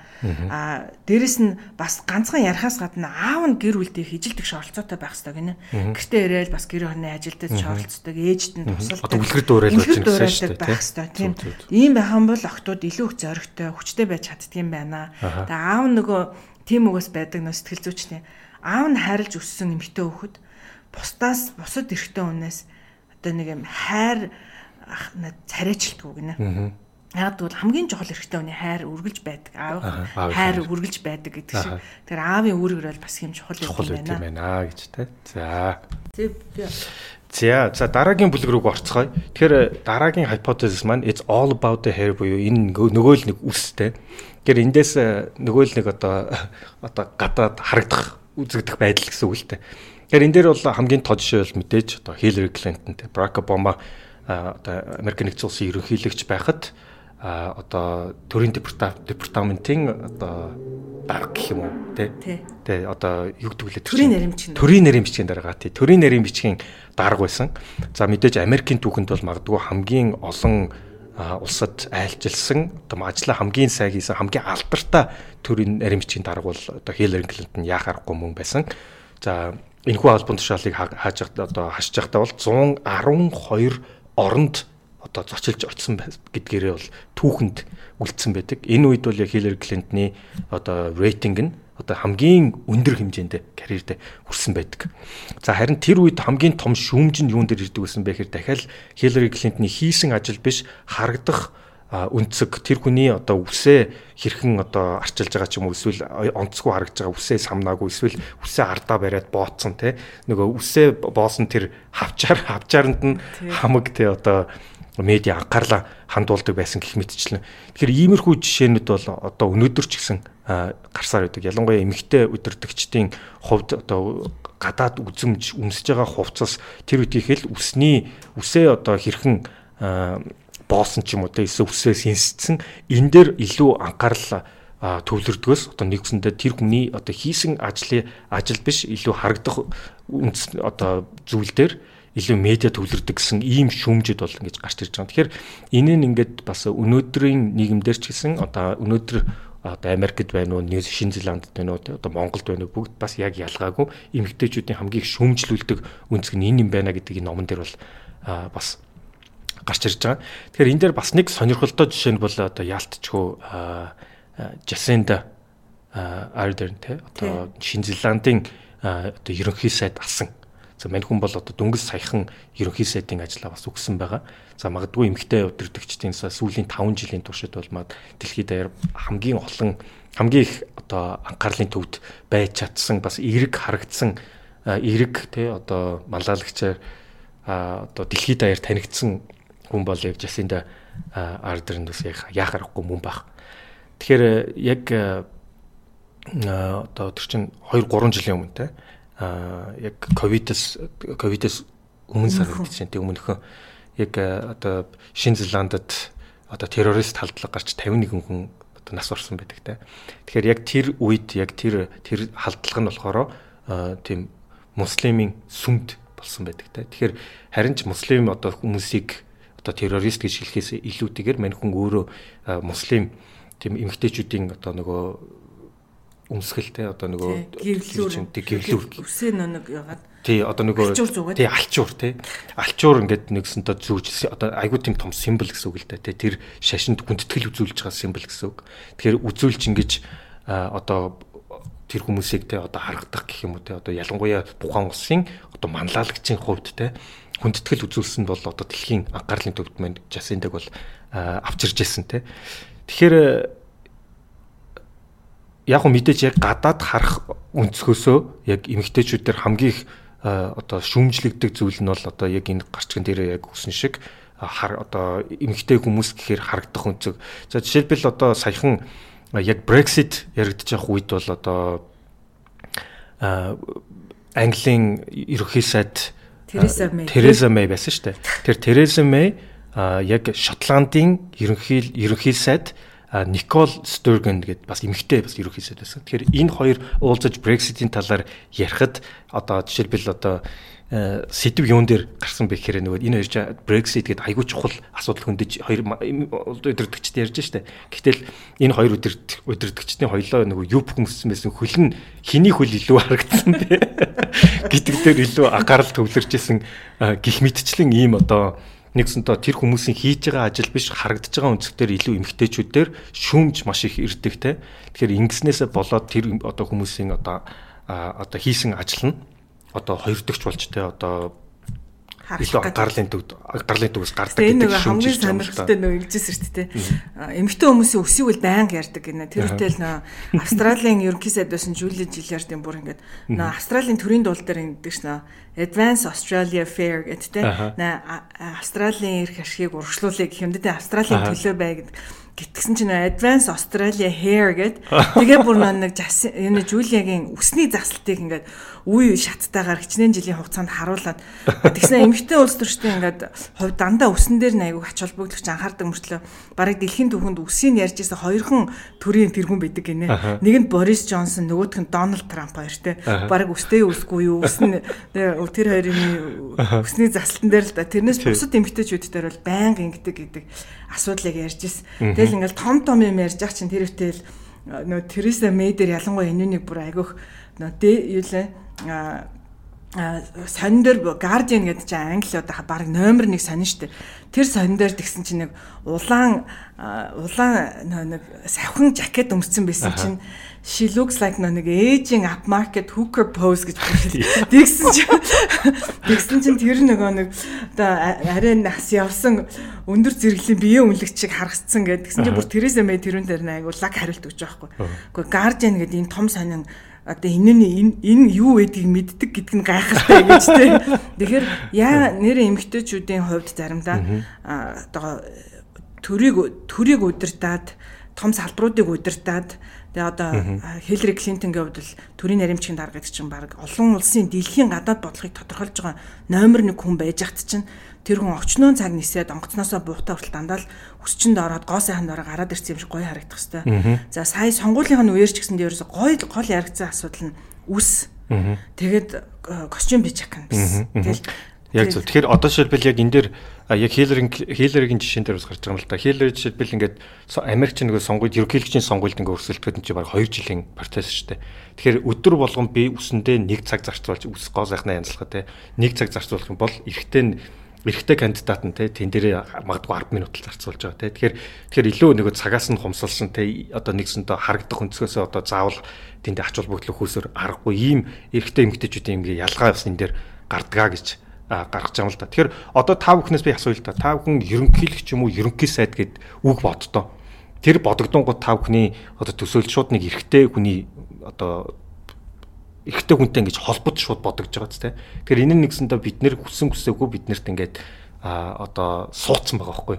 Тэгэхээр энийг бид нэр энэ одоо перспективыг ингээд бас өөрчилжээж а бас одоо эрэгтэй эмэгтэй те хүүс ялгалгүйгээр тэр хүний одоо маллайлах чадвар дээр үндэслэж тэр одоо асуудлыг яригдах болж байгаа.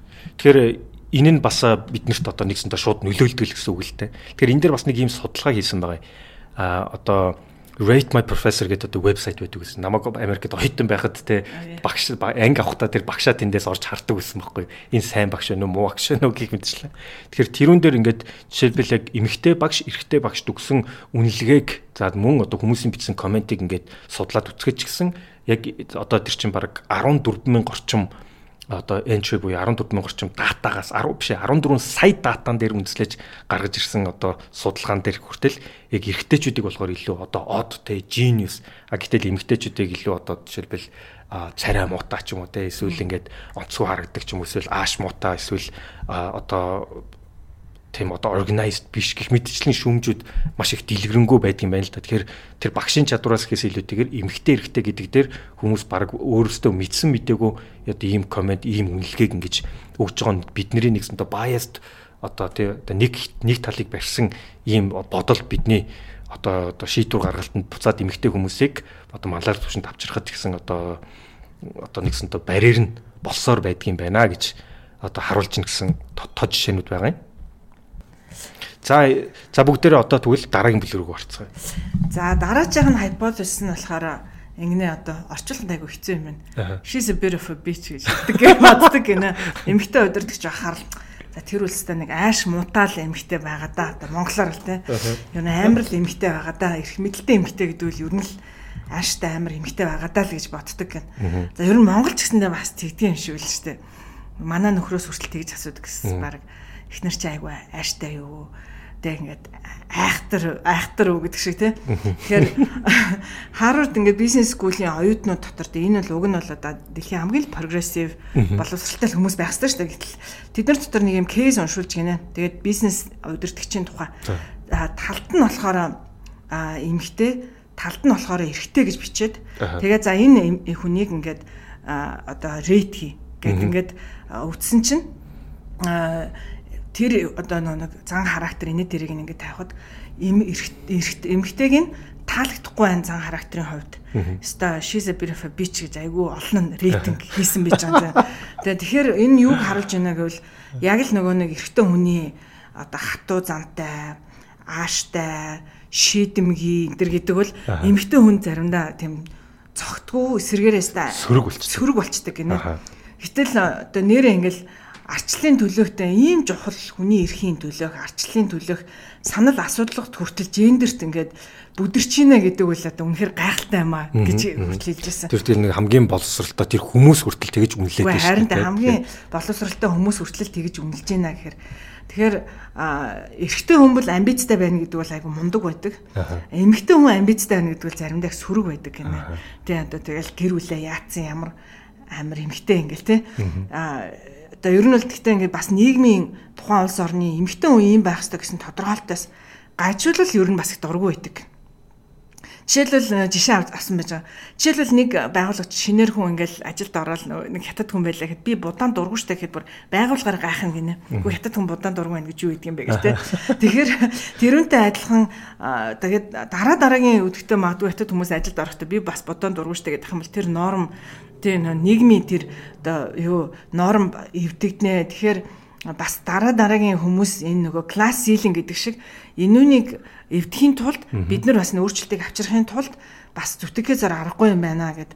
Тэгээд эмхтэн үнийг л сэтгэл хөдлөлттэй тэгээд хөрөмгийн бас юм байвал хүмүүс их реакцлдаг тий сэтгэл хөдлөлттэй гэж боддог. Тэгээ хэрвээ би ямар нэг юм хөрөмгийн хандах юм бол би их ааштай эрэгтэй хүнд хөрөнгө хандах юм бол шийдэмгийн мундаг байна гэж хэлэх гээд байдаг. Тэгээд хүмүүс энүүн тэгтэн таагүй реакцлах гээд байдаг гинэ. Тэгэхээр ойрноос хойбор хэлж байгаа. Би өөрөө тийм нөгөө би өөрөө их тийм тайван хүн. Аа тийм тулдаа би олон юм дээр их бас тайван хандахыг боддгоо гэд аа Тэгээд зарим эмэгтэйчүүд яв жишээлбэл Мишелийг бас тийм сайхан тайван юм мундаг эмэгтэй гэж бас боддог гинэ. Тэгээд энэ үнэхээр одоо ээлнэгч төр Мишелэгч төр сул дорой эмэгтэй гэж хэлхийн арга байхгүй. Яг бол энэ хүмүүс шоронд орж исэн, гэр бүлээ алдж исэн, тэгээ одоо одоо нэг exiled явж исэн тий А за дээрэс нь нэмээд тийм хүн учраас энэ эмгтээчүүдийг бол сул даны эмгтээ гэж хэн ч хэлж чадахгүй.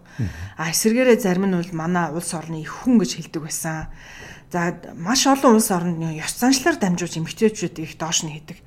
Одоо Малавт бол жишээлбэл тэгжсэн гинэ Joyce одоо төрийн тэргуунд өрсөлдөж хахад үгүй одоо үнэ чин гэртээ суугаал сүү өгч идэг үстэй. нэг бухчин болохоор талбай дээр гарч нэг юу тариа тарж идэг үстэй гэдэг шиг тий. Гэж ингэж бас ёс заншлаар нь дамжуулж эмгтэй чөдрөх дайралт идэг. Одоо Монголд бол тэгдэг шүү нэг эмгтэй хүний ухаан нь богн хүсн уртч гэдэг шиг тий. Нөгөө ир мууч имэн дээр гэдэг шиг тийм өгнүүдээр дамжуулж ёс заншлаар дамжуулж эмгтэйчүүдийг юм доош нь их үзэгдэл их байдаг аа. Одоо хилдри бас тэгж хэлжсэн эмгтэн хүн өөрийн үзэл бодолтой хүчтэй дуу хоолойтой байна гэдэг заримдаа ингээд таалагдахгүй байх нь их байдаг аа. Тэгэхээр гэтээ гэтээ нэг юм ерөөсө хүлэн зөвшөөрөх хэрэгтэй гинэ. Ерөөсө 100% таалагдана шийдэж байхгүй. Аа гэтээ би угаасаа таалагдах 100% таалагдъя гэж хүсэхгүй байна. Би зүгээр л эрэгтэйчүүдтэй адилхан төвшөнд намайг шударгаар үнэлээсэй л гэж хүсэж байна. Миний үсний засалтаар, миний одоо юугаар биш те. Эрэгтэй эмэгтэй гэдгээр биш. Аа миний ингээ энэ эмэгтэйчүүдийг харахад магадгүй хамгийн их одоо энэ төрийн тэргүүн байж байхдаа хамгийн их эмэгтэй гэж их тийм боорлуулж исэн хүн нь хамгийн гайхалтай нь Австралийн ерөнхий сайд байсан Жулия. Тэгэд нөхөргүй байсан, хүүхдгүй байсан. Энэ эмэгтэй бол үнэхээр би одоо өөрөө нэг Австрали дунд сургууль сурч ирсэн учраас би бүр үнэхээр гайхсан. Барууны улс орон бас арай ч ийм баймаргүй юм даа гэл. Тий гэтэл одоо тий ингээл ийм байсан.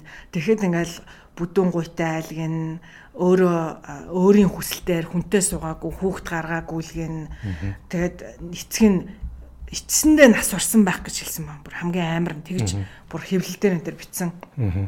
Тэгэхээр энэ бүхэн бол үнэхээр хэцүү байсан. За тэгвэл зарим тохиолдолд ээж байна гэдэг нь гэхдээ зарим тохиолдолд их давуу талыг авчирдаг гинэ. Эрна Жасинда нарын хувьд ингээд ээж байгаад ээж гэдгээ бас ингээд сайн ээж байсан гэдэг нь ч гэсэн хүмүүст их таалагдаад өөрсдөө нь хувь хүнийх нь рейтинг нь тэр битэл намынхаа рейтингээс нь ч бас сайн байсан. Тэгэхээр зарим тохиолдолд ээж байх эмэгтэй байх гэдэг нь давуу тал гэсэндээ бас авчирж ижээ гэдэг. Тийм тэгээд энэ нөө Хиллари Клинтонгийн кампаний үед Обамагийн маш олон стаффууд ирж ажиллаж исэн гинэ. Тэгэл оо бид нар бол ерөөсөө баг бүх цагийн одоо улс төрийг хийж исэн. Асуудалгүй одоо Хиллариг гаргах чинь гэл тэгж яхад нь олон жил Хилларитэй ажиллаж исэнгүй та нар ойлгохгүй байна. Эмэгтэй хүний улс төр гэдэг чинь шал өөр байдгийм а гэдэг чинь. Тийм гэж юу байдгийг ингээл тун удахгүй өстой. Үнэхээр нөөр байдгийн байна. Гэдгийг ойлгосон. Тэгээд түүний дараагаар 2020 оноос ахуулаад Америкийн сонгуулийн үеэр we have her back гэд бид түүний хоон байна. Хаштагтай ийм одоо том кампанит ажил эмгтээчүүдийг дэмждэг эмгтээчүүдийн урсгал. За нийгмийн урсгал бас бий болсон бас юм давуу талтай юм а. Тэгэхээр зарим тохиолдолд маш их тийм хүнд уналт маш том реформыг авчирдаг. Тэгээ хийлрээ рүү эмгтэй гэж их дайрсан нь магадгүй дараагийн эмгтэй төрийн тэргүүн за сая бас ингээд Камила Харрис гарахад замыг нь тсэн бахаа гэж дүгнсэн бил. Зөв зөв. Тий. Тэгэл бах уу. Тэгэхээр Хиллари Клинтон бол ялтчгүй одоо бас дэлхийн түүхэнд одоо үлдэх фигюр л та. Тэгэхээр дараагийн асуулт яг л одоо яг таны одоо хэлсэн сэдвийн үргэлжлэл болж байгаа. Эмгтээчүүд тэгвэл эмгтээчүүдэд дэмждэггүй Тэгэхээр энд бол булгаа сайд маань нэг өөрийн гэс нэг одоо бас бодолтой одоо туршлагатай хариулттай байх гэж бодож байна. Тэгэхээр би бол дэмждэг гэж боддог. Одоо улам их дэмжиж байгаа. За. За дэмждэг гэж боддог юм байна те. За тэгэхээр номон дээр бол яг энэ ингээд л та. Эмгтээчүүд үнэхээр эмгтээчүүдэд дэмждэггүй те. Тэгэхээр яг хүмүүс энэ дээр бол хуваагдана л та. Тэгэхээр зарим нь бол эмгтээчүүд үндэ яг эмгтээчүүдэд харин ч дэмждэггүй юм шиг те гэл те. Тэгэхээр энийг түүх аваад үтсэн ч гэсэн а энэ дээр янз бүрийн ойлголтууд байдаг юм байна. Queen Bee гэсэн ойлголт байдаг юм байна. Queen Bee буюу одоо хатан зүг. Хатан зүг тий. А тэр нь болохоор юу гэсэн үг гэхээр одоо жишээлбэл ялангуяа энэ одоо бизнесийн салбарт тий эмгтэй одоо гүйцэтгэх цагаал гараад ирэхэд те тэрэнд бусад манлайлж эсвэл одоо менежер одоо бусдыг удирж байгаа эмэгтэйчүүдтэй илүү дургу байдаг. А тийм болохоор энэ нь тухайн үедээ концепт нь Queen Bee буюу хатан зүг гэж гарч ирж ирсэн байна л та. Тэгэхээр нөгөө харин ч эсэргээр нөгөө эмэгтэйчүүд рүү улам одоо дайрдаг те тэднэрлүүгээ одоо дээшээ гарахт нь туслах үтгийхэл эсэргээрээ ажилдаг гэж нэг иймэрхүү тухайн үедээ одоо энэ концепт гарч ирж ирсэн байна. А гэхдээ одоо сүүлийн одоо сүүлийн судалгаагаар аваад үзэх юм бол жишээлбэл стандарт бүрийнтэй 1500 томоохон компани менежментийг ингээд аваад үзэхэд тэн дээр ямар үр дүн гарсан бэ гэхээр эмэгтэй хүн одоо удирдах төвшөнд гарч ирэхэд дараагийн эмэгтэй гарч ирэх магадлал нь 51%-аар одоо илүү байсан гэж. Тэгэхээр нэгсэнтэй эмэгтэй хүн гарч ирэхэд гарч ирээд жим засахад бусад эмэгтэйчүүд үгэл явж болох юм байна гэдэг дотоод ойлголтыг илүү одоо өгчтэй дараагийн эмэгтэй гарч ирэх боломжийг нь нээж өгч ийн гэсэн одоо судалгаагаар батлагч ийн гэсэн үг л дээ. Тэгэхээр одоо яг энэний тэгэхээр бас одоо улс төр дээр ч гэсэн те а бусад эмэгтэй хүн гарч ирэхэд одоо ялангуяа одоо энэ төр нэг ийм судалгаа байгаа. Ялангуяа сайдын төвшөнд те эмэгтэй сайд гарч ирэхэд энэ нь буцаад эмэгтэйчүүд одоо улс төрд манлайлуулж гарч ирэхэд positive effect буюу илүү эерэг нөлөө үзүүлсэн нь бас судалгаанууд дээр гарч ирд юм байна. 2013 онд хийсэн Латин Америкийн одоо эмэгтэй ерөнхийлөгчтэй тэд нар дээр ингээд судалгаа хийхэд бас одоо энийг одоо батлаж харуулсан жишээнүүд гарч ирж байсан байгаа. Тэгэхээр эндээс юу гэж дүгнэх вэ гэхээр яг сүүлийн үеийн судалгаануудаас авах юм бол эмэгтэй хүн улс төрд за улс төр гэлтэхгүй зүгээр ер нь бол нийгэм эдийн засаг те одоо бизнесийн салбарт манлайлагч болж гарч ирэхэд дараагийн эмэгтэй гарч ирэх замыг нь застдаг юм байна гэдэг нь одоо батлагдж байгаа. Тэгэхээр эмэгтэйчүүд эмэгтэйчүүдээ илүү одоо нэгсэнтэй дэмждэг гэж гэж одоо судалгаагаар харагдаж байна гэсэн үг л дээ. За тэгээ бас нэг санаа нь за эмэгтэйчүүд ингээд альва одоо малаарх төвшөнд гарч ирэхэд хэн нөлөөлсөн байдаг вэ гэдэг бас нэг том асуулт байгаа. Тэгэхээр тэдний рол модель тэ ментор за тэгээд одоо цаашлах юм бол спонсорууд нь эрэгтэй хүн байсан уу эмэгтэй хүн байсан уу тэ ямар нөлөө үзүүлсэн бэ гэд бас эндээс одоо ялангуяа тэр томоохон энэ ном дээр гарч байгаа фигурүүд дээр асуултыг асуусан байгаа юм те. Тэгэхээр энэ дээр бол янз бүр гарч ирсэн байгаа юм л та. Одоо жишээлбэл Кристин одоо Лагард те одоо Парисын оффист байхдаа яг тэр хүнд бол ямархуу эмэгтэй хүмүүс илүү менторулж ирсэн, эрэгтэй хүмүүс менторулж ирсэн гэхээр янз бүр байсан байх жишээтэй. Одоо Эллен жишээлбэл илүү эрэгтэй хүмүүс тухайн амьдралд нь бол илүү менторулж те нөлөө үзүүлсэн байх жишээтэй. А зарим дээр нь бол бас эмэгтэй хүмүүс. Тэгэхээр энэ дээр заавал эрэгтэй эмэгтэй гэлтэхгүйгээр энэ хүмүүсийн ард гендер хамаарахгүйгээр альва хүн манлайлагч болж гарч ирэхэд бол энэ ганцаархнаа тэр хүн явсан байдаг жишээ биш. Ард нь хин нэгэн бас тусалсан байдаг те баг ажилласан байдаг.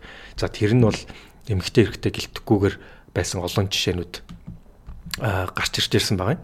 За тэгээ эндээс одоо яг Ngozi гэдээ бас нэг номын зохиогч маань өөрөө бас одоо ялангуяа олон улсын байгууллагын удирдах түвшинд гарснараа Африкийн Африк эмэгтэйчүүд олон улсын байгууллагын удирдах түвшинд гарч ирсэн тэр группийг үүсгэж тэр групп нь анх үүсэж байхдаа бол дөрвөн эмэгтэй байсан бол одоо бараг 200-аад гарсан эмэгтэйчүүдийн тийм том төлөөлөл гарсан групп одоо тэндээсээ үүсэж нэг нэгээ бас дэмжиж явдаг юм байна. Аа за тэгээд дараагийнх нь нэг санаа нэгэд одоо одоо witch гэж ярьдаг штэ. Одоо Үч гэдгийг одоо монголоор шулам гэх юм уу те. Одоо шулам гэхээр айгуу сайн. Яг гоо тэр бүр 16 7 дугаар зууны үед бол одоо тийм одоо witch байдаг гэж одоо тэр нь дандаа нэг юута одоо ид шиттэй те. Одоо нэгсэндээ аа тийм домогтой холбож ойлгодог шүү дээ тий одоо witch буюу тий witchcraft гэж ярьдаг шүү дээ. Тийм ховсддаг янз бүрийн зан үйл хийдэг тий. Одоо одоо мэрэгэн түлэгч гэх юм уу тий. А гэхдээ тэрүүгээрээ дамжуулж бас ингээд бусад хүмүүст ингээд муу үйл хийдэг ч юм уу. Дандаа нэг тийм домгууд их байдаг л да. Тэгэхээр яг тухайн үедээ Германд жишээлбэл те одоо Герман бол яг тэр witch буюу те одоо шулам үйл одоо үйлийн те баг төв байсан гэж хэлдэг. Тэр үед бол 25 мянга орчим одоо тэр эмгтээчүүдийг бол цааш нь одоо нэгсэнтэй цаазалж исэн байна л та тий бусад хүмүүст ингээд муу үйл хийлээ эсвэл одоо муу одоо зүйл хийлээ гэх мэтчлээ. Тэгэхээр энэ нь одоогийн одоо 16 долларын золдуур зүрийн тэр одоо шулмын үйл өнөөдөр ямар хамаатан бэ? Тэгэхээр өнөөдөр хүртэл одоо жишээлбэл тэр Австралийн ерөнхий сайдсан Жулия дээр те бас одоо Жулия гэлтгүү басад гарч ирж байгаа эмэгтэйчүүд яг барууны соёл дээр бол гарч ирж байгаа тэр эмэгтэй манлайлагчдыг бас л witch гэж одоо шулам гэж цолсоор өнөөдөр одоо байгаа юм л да. Тэгэхээр энэ нь зүгээр биднэрт ингээд шууд ингээд joke юм шиг те заримдаа ингээд тэнэгч юм шиг мөртлөө шууд бус утгаараа бас ингэж одоо нөлөөлж идэг а гэж гарч ирж байгаа. Тэгээд одоо тав хүн боддоо жишээлбэл цагдаагийн дарга эмэгтэй байна. Эсвэл эмэгтэй одоо эмэгтэйчүүд сурдаг коллежийн ерөнхийлөгч нь эрэгтэй байна гэхээр нэг л шууд ингээ бууж өгөхгүй байх жишээ нэ тэ. Эмэгтэй коллежийн ерөнхийлөгч эмэгтэй байх хэвээр цагдаагийн дарга одоо эсвэл тэ батлан хамгаалахын сайд эрэгтэй хүн байх хэвээр гэд шууд ингэж биднэрт хүлээж авч байгаа зү тэ. Тэгэхээр энэ одоо бодол маань энэ одоо нэгсэнтэй бид нар шууд хүлээж авч байгаа маань буцаад одоо нөгөө хүүсний ялгааг илүү тодтогч гаргаж ирж тэн дээр шийдвэр гаргах гэд нөлөөлж байгаа юм л та. За тэгээд эцэст нь энэ дээр бол энэ ном одоо Бразилийн эмэгтэй ерөнхийлөгч Делма гэж Делма Русеф гэж одоо Бразилийн түүхэнд бол хоёр хоёр удаа дараалан сонгогдсон эмэгтэй ерөнхийлөгч гарч ирээд эцэст нь хоёр дахь удаадаа бол одоо импичмент буюу те одоо суудлаасаа хүчээр одоо бууж исэн ийм түүх байгаа. За энэ Делмагийн түүхийг бол одоо энэ номон дээр бас маш дурдсан байдаг. Магадгүй энэ нэмэгтэй манлайлагчдын түүхэнд яалтчгүй бас ингээд одоо том жишг болж үлдэхээр түүхэлтэй. Тэгэхээр Бразилийн ерөн сүүлийн 30 жилийн түүхийг аваад үзэх юм бол одоо тухайн үеийн одоо хөдөлмөрийн намын үүсгэн байгуулагч Луулатай холбохоосоор харахгүй Луула гэдээ одоо магадгүй Обама тухай үедээ хэлжсэн шүү дээ. Та магадгүй дэлхий дээр хамгийн алдартай тэг олон хүн мэддэг ерөнхийлөгч байх гэж хэлжсэн. Луула бол ялтчгүй одоо маш том дэлхийд бас дэлхийн манлайлагчдын түүхэнд үлдэх ерөнхий сайдл ерөнхийлөгчлөлтөө. Тэгээ Луула хоёр удаа сонгогдоод Бразилийн үндсэн хуулинд бол 3 дахь удаага сонгогддог. За тэр үед бол Луулагийн одоо ажлын албаны дарга байсан сайдын одоо бас албан тушаал ранклтай одоо Делма Русеф гэдэг эмэгтэйг те одоо ерөнхийлөгчийн одоо намаасаа ерөнхийлөгчд бас ингээд дэвшүүлж гаргаж ирж байсан. За тэгээд одоо хинийч таамаглаж байгаагүйгээр бол Делма тухайн үед бол ерөнхийлөгч болж гарч ирж байсан. За ерөнхийлөгч болж гарч ирж явах үед бол мэдээж эдийн засаг маш их асуудалд ороод те За гэхдээ Дэлма бол хоёр дахь удаага ерөнхийлөгчийн сонгуульд дахиж өрсөлдөөд ялч чадсан байдаг. За гэхдээ харамсалтай нь хоёр дахь удаага гарч ирсний дараа бол мэдээж эдийн засаг хэцүү байсан одоо тэгтээ тэр хүнээс мэдээж шалтгааллахгүйгээр дэлхийн эдийн засаг унжээс үе л дээ. Тэгэхэд харамсалтай нь бол одоо тэр үед бол бүр одоо энэ чинь бас дэлхийн түүхэнд үлдэхэр түүх штэ. Баг 3.1 сая хүн бразилчууд те одоо талбай дээр гарч чигсэж одоо Дэлмаг бол ерөнхийлөгчийн судлаас нь огцруулж чадчихсан огцруулж исэн байдаг л да. Тэгэхээр тэрүүн дээр огцруулж исэн шалтгаануудаа шалтгаанууд бол тухайн үедээ мэдээж эдийн засаг хэцүү байсан. А тэр үед гэхдээ Дэлма одоо Луула хоёрын одоо одоо гар утсаар ярьсан бичлэг нь задарч исэн. За тэр үед бол Дэлмаг буцаад Дэлма нөгөө Луулаг те урд нь ерөнхийлөгч байсан Луулаг одоо өөрийн ажлын албаны дараагаар авах талаар ярьж ирсэн нь буцаад одоо бразилчуудын уурыг хүргэжсэн гэдэг. А гэхдээ яг хуу энэ ерөнхийлөгч болгонд тулгарч болох томоохон асуудал байгаа. А гэхдээ Дэлма эмгтэй хүн байсан нь хэр нөлөөлсөн бэ гэдэг асуулт гарч ирж байгаа юм л да. Тэгэхээр энийг бол одоо одоо яг энэ асуудлыг судалсан шинжээчдээс одоо бас асуусан байдгийн. Тэгэхээр яг Дэлма одоо мэдээж эмгтэй хүн эмгтэй ерөнхийлөгчийн хувьд цаллуулж байхдаа бол босоод яг л нөгөө сая таны тайлбарлаж байсан шиг те ил одоо нөгөө одоо вич гэдэг утгаар нь. За тэгэл энэ хүн одоо юу ярьж байгааг мэдтгүү ярьж байгаа айгүй хүүтэн хүндий. Гих мэтчлэн маш цоллуулдаг байсан боловч яг үндэ дийлмэ бол ажлаа маш сайн мэддэг. Ямар ч ажлыг гаргаад ирсэн те бүр детальтаа ингээд хүний нүдэнд харагдах зурхууцаар хүртэл хийлч чаддаг ингээд жоок хийлчдэг те.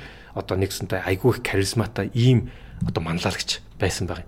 Тэгэхээр мэдээж эмэгтэй гэдэг нь буцаад тэр хүнийг одоо одоо ерөнхийлөгчийн одоо судлаас нь унгаахад те бас нэг том а одоо хөшүүргэн бас байсан гэдэг одоо дүгнэлтийг бол одоо шинжээчд одоо хүртэл бол бас хилдэг юм байна. Хойлоо наан цан жоох оруулаа юм шүү дээ. Тэр бүлэг тавыг ярьчих. Тийм. За а бас нэг гипотез нь За hypothesis 5 нь who's minding the kids хин хүүхдээ чи харж байгаа юм бэ гэдэг асуулттай. За эмэгтэй хүн улс төр ер нь дээл манлайлагч байхад ажил төрлийгт. Гэхдээ танаа хүүхдээ чи одоо хин харж байгаа юм бэ гэдэг бол яач аргагүй асуудаг асуулт. За энэ ялангуяа нөө Жасинда ерөнхий сайд байхдаа төржсэн учраас энэ бүр төрийн тэргэн хүн өдөртөгч улс төрийн өдөртөгч эмэгтэй ер нь ээж байж болох юм уу гэдэг асуудал маш томор тавигдсан гинэ. За Жасиндаас өмнө одоо 1990 онд Пакистан улсын ерөнхий сайд байсан Беназир Буута хамгийн анхны ерөнхий сайд байхдаа жирэмсэн болсон юм хтэй. Гэхдээ өөрөө ерөнхийдөө нуусаар байгаа. За тэгээд э, ерөнхий сайд болсноос дараахан төрсөн юм шиг байна. А тэгвэл хэн бол Жасинда бол ерөнхий сайд байхдаа жирэмсний амралт авсан хамгийн анхны эмэгтэй гинэ. Тэгэхээр эмх эрэгтэйчүүд хүүхдтэй болвол эмх эрэгтэйчүүдийг юу гэж хэлдэг вэ? Амьдрал их ойрхон, гэр бүлсэг юм сайхан байна гэж хэлдэг. А эмэгтэй хүн хэрвээ гэр бүлээсээ хол ингээд одоо эмэгтэй хүн баг хүүхдэд төрүүлээд а ингээ явах юм бол дээрээс нь хажууг нь карьер хийх юм бол гэр бүлээсээ хол а одоо ажлаа зохицуулахад ер нь хэцүү байлгүүдээ гэж ингэж ярих нь илүү байдгаа гэж байна. Тэгээ эдний хувьд нэг эрэгтэй хүн карьер хийгээд эрэгтэй эмэгтэй хүмүүсийн хувьд карьер хийгээд хүүхэдтэй байх ямар вэ? Тэгээд за дээрэс нь мэд хүүхдгүй байх бас ямар асуудал үүсгдэг вэ гэдэг энэ асуудлыг энэ бүлэгтээр ярьсан байж. Тэгэхээр часанда нөгөө намын дарга эхлээд эн чинь намын дарга болоод Тэгээ дараа нь ерөнхий сайд болсон байдаг байхгүй.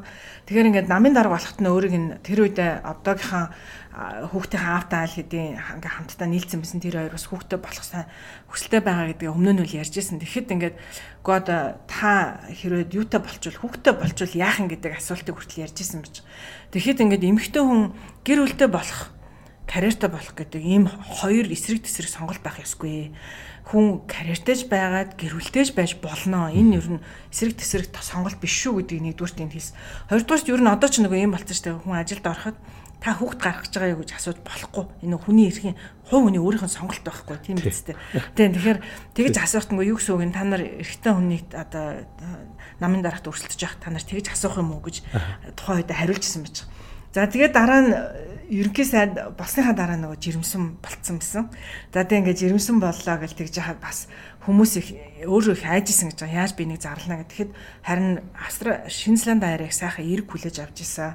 За дараачийн ярагддаг асуудал нь болохоор баланс балансыг яаж барьдаг вэ гэж. Амьдралын баланс. Амьдралын балансыг надаас ч их аюух асуудаг. Тэгээд ер нь хинч амьдралын балансыг барьж чаддгүй гинэ. Тэгээд тэрний тийм тэрнийг ерөөсө гэртээ сууж байгаа юм. Гэтээч магадгүй чадахгүй байгаа бах. Тэгээд одоо ажил хийж байгаа эмэгтэй ч хамгийн мундаг хийж байгаа гэж бодож байгаа эмэгтэй бид нар би ч чадахгүй гэдгээ тэр эмэгтэй бас хүлэмжшэрх ёстой гинэ. Тэгэхээр гэхдээ баланс гэж юу нэг юу гэсэн үг юм тийм биз дээ. Тэгэхээр эсэргээрээ харин гэр бүлийнхаа хүнтэй энэнийг маш сайн ойлгож ярилцдаг байх хэрэгтэй. За ингээ харахад энэ ном дээрээс нөгөө яг чаргагүй хөгжсөн улс орнуудын хувьд бас энэнийг дэмждэг цагийн зохицуулт цэцэрлэг яасэл гэдэг юм системүүд бол маш их байдаг юм байна. Тэгээд Эрна нөгөө Норвегийн ерөнхий сайдаас эмхтэй тэгж ярьж байгаа. Нэг удаа би хүүхдээ хөлбөмбөгийн тэмцээнд нь хоккейн тэмцээнд нь хөргөж өгөөдөө би уцаар бүр оо радиогоор явж байгаа мэтгэлцээнд орох болсон. Тэгээ би ингээд хүүхдээ хөргөж өгчөөд энэс нь нөгөө цагсаал дээрээс нь машин дотроос мэтгэлцээнд орж исэн. Тэгээ ингээ нэг харсан ч нөгөө миний мэтгэлцээнд орж исэн сайд маань харин нийгмийн хамгааллын сайд маань хажууд бас машин суудсан хүүхдээ хоккинд өргөж өгчөөд бас адилхан ингээ мэтгэлцээнд орж исэн гэх тээ. Тэгэхээр эдгээр улс орнуудад бол одоо тэг ингээ энэ бол адил асуудал хүмүүс хүүхдээ байгаад гэр бүлтэй байгаад карьер хийж болдгоо гэдэг. Аха. Тэрний баталгаа тийм. Кристин бас одоо хоёр хүүхэдтэй. Тэгээд би баг багт нь ялангуяа хүүхдүүдээ одоо өөрийнхөө өөрөө хэлж байгаа би орлогын тал хувийг хүүхд хардаг хүндээ өгвөл өстой. Тэгээ би одоо яна би биш ихэнх цагаа хүүхд минь хүүхд хардаг хүн өнгөрөөж ийн одоо намайг мартчихгүй дээ гэж ихтэй надтай нэг тийм ойр дотн биш өсчихгүй дээ гэж хайдаг гэсэн.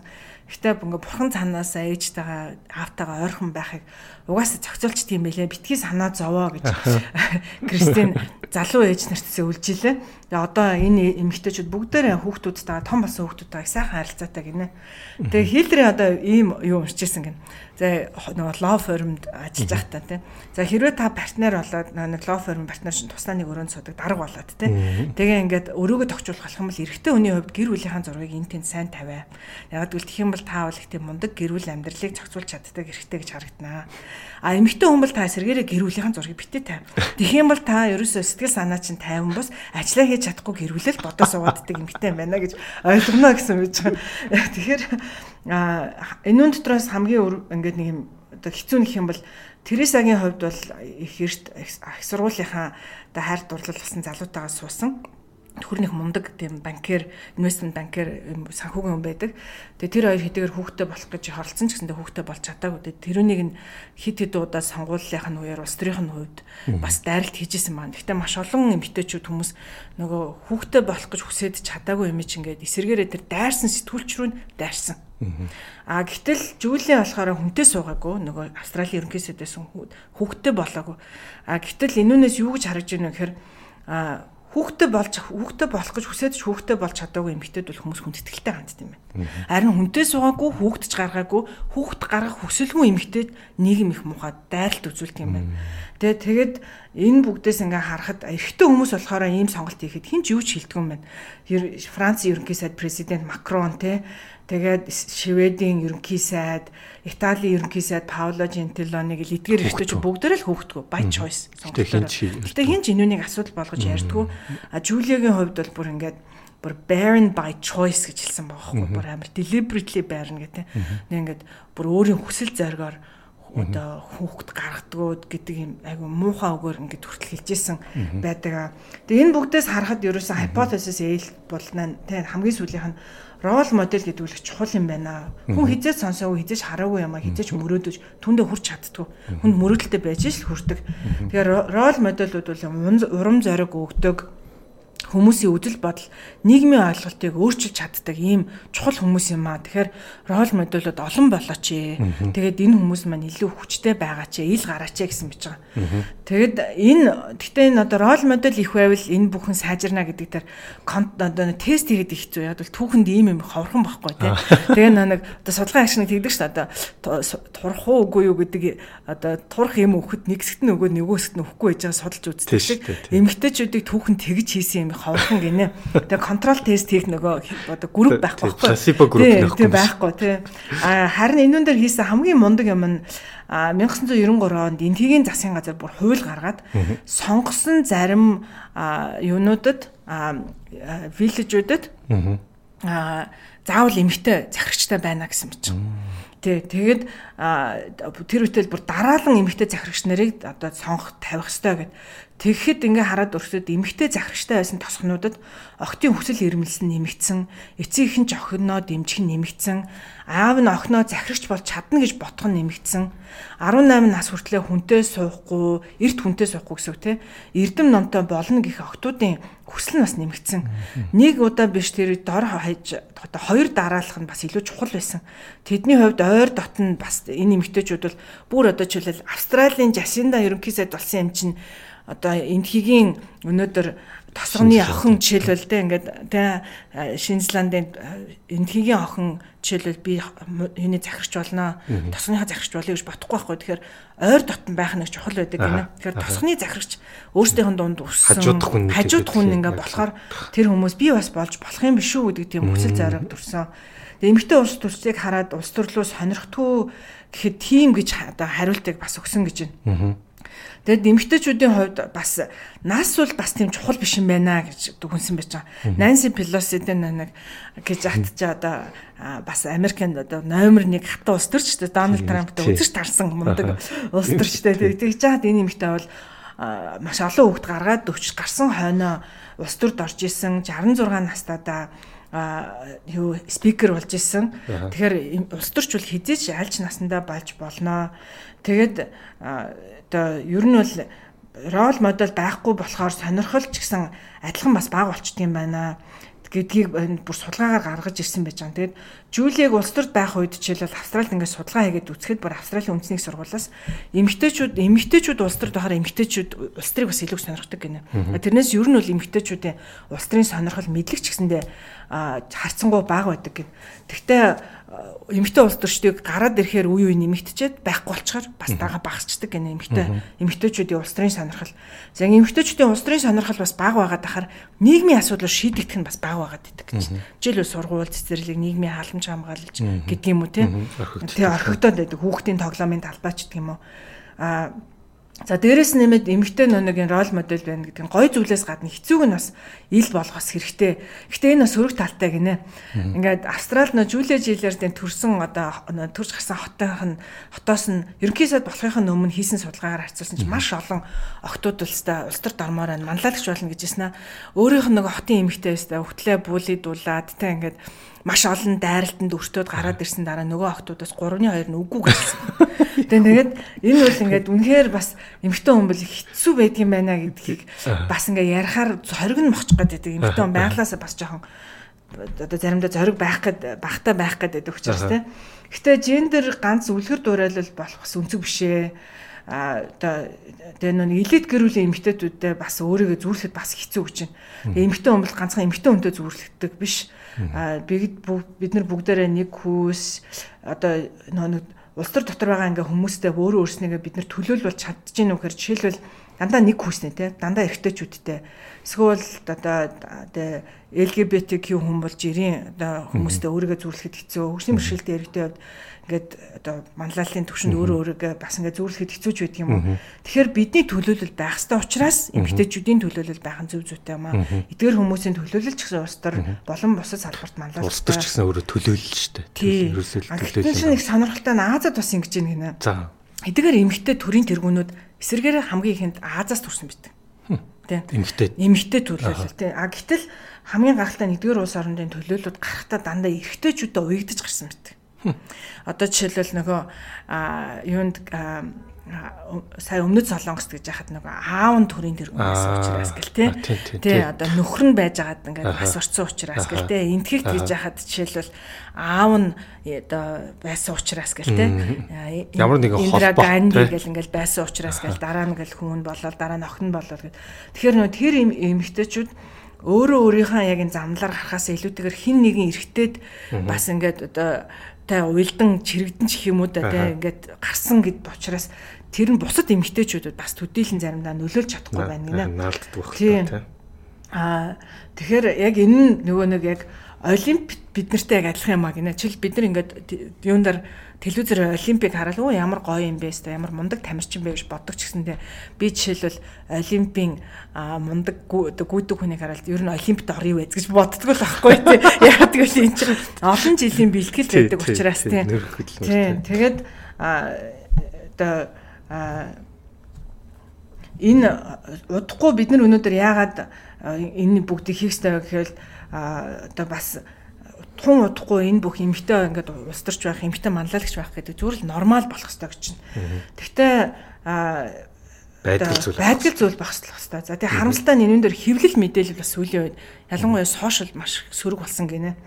Тэгээд нөгөө бөөлөдөх шалтгаан гаргаж ирээд тий. Тэр үедээ англи зориг мохож магадгүй шүү дээ. Аа англи төртөлтэй ингээ хамгийн их нөгөө нэг буулидүүлдэг улс төрчид ихэд жишээлбэл эмх таван эмхтэй хүн. Таван таван буулидүүлдэг улс төрчид ихэд жишээл эмхтэйчүүд бүгдээр эмхтэйчүүд байх чинь магадaltaй гэл тий. Тэгэхээр эмэгтэйчүүд маань улс төрд орно гэдэг бол ер нь бол манлайлагч болно гэдэг бол be aware not beware тий энэ бүгдийг төрүүлээ мэдчихье. Энэ бүгдээс айх хэрэггүй гэсэн үг байхгүй тий. Бүгдээс айх хэрэггүй тэгэхээр төрөний энэ бүгдийг summarize болоод хэлэхэд leadership гэдэг бол ингээл дандаа өс мөсний тухай өнгө үзмжийн тухай бас биш юм аа Тэгээ тэр нь энэ ном одоо нэг стилисттэй болмол гэсэн үг ерөөсөө биш ээ. Зүгээр ийм юм ирнэ шүү. Тэр нь битгий имзэглээрэй л гэсэн үг тий. Тэгээд энүүнийг даван гарахын тулд зарим хүмүүс бол зүгээр л юм стандартны хувцастай болчдөг.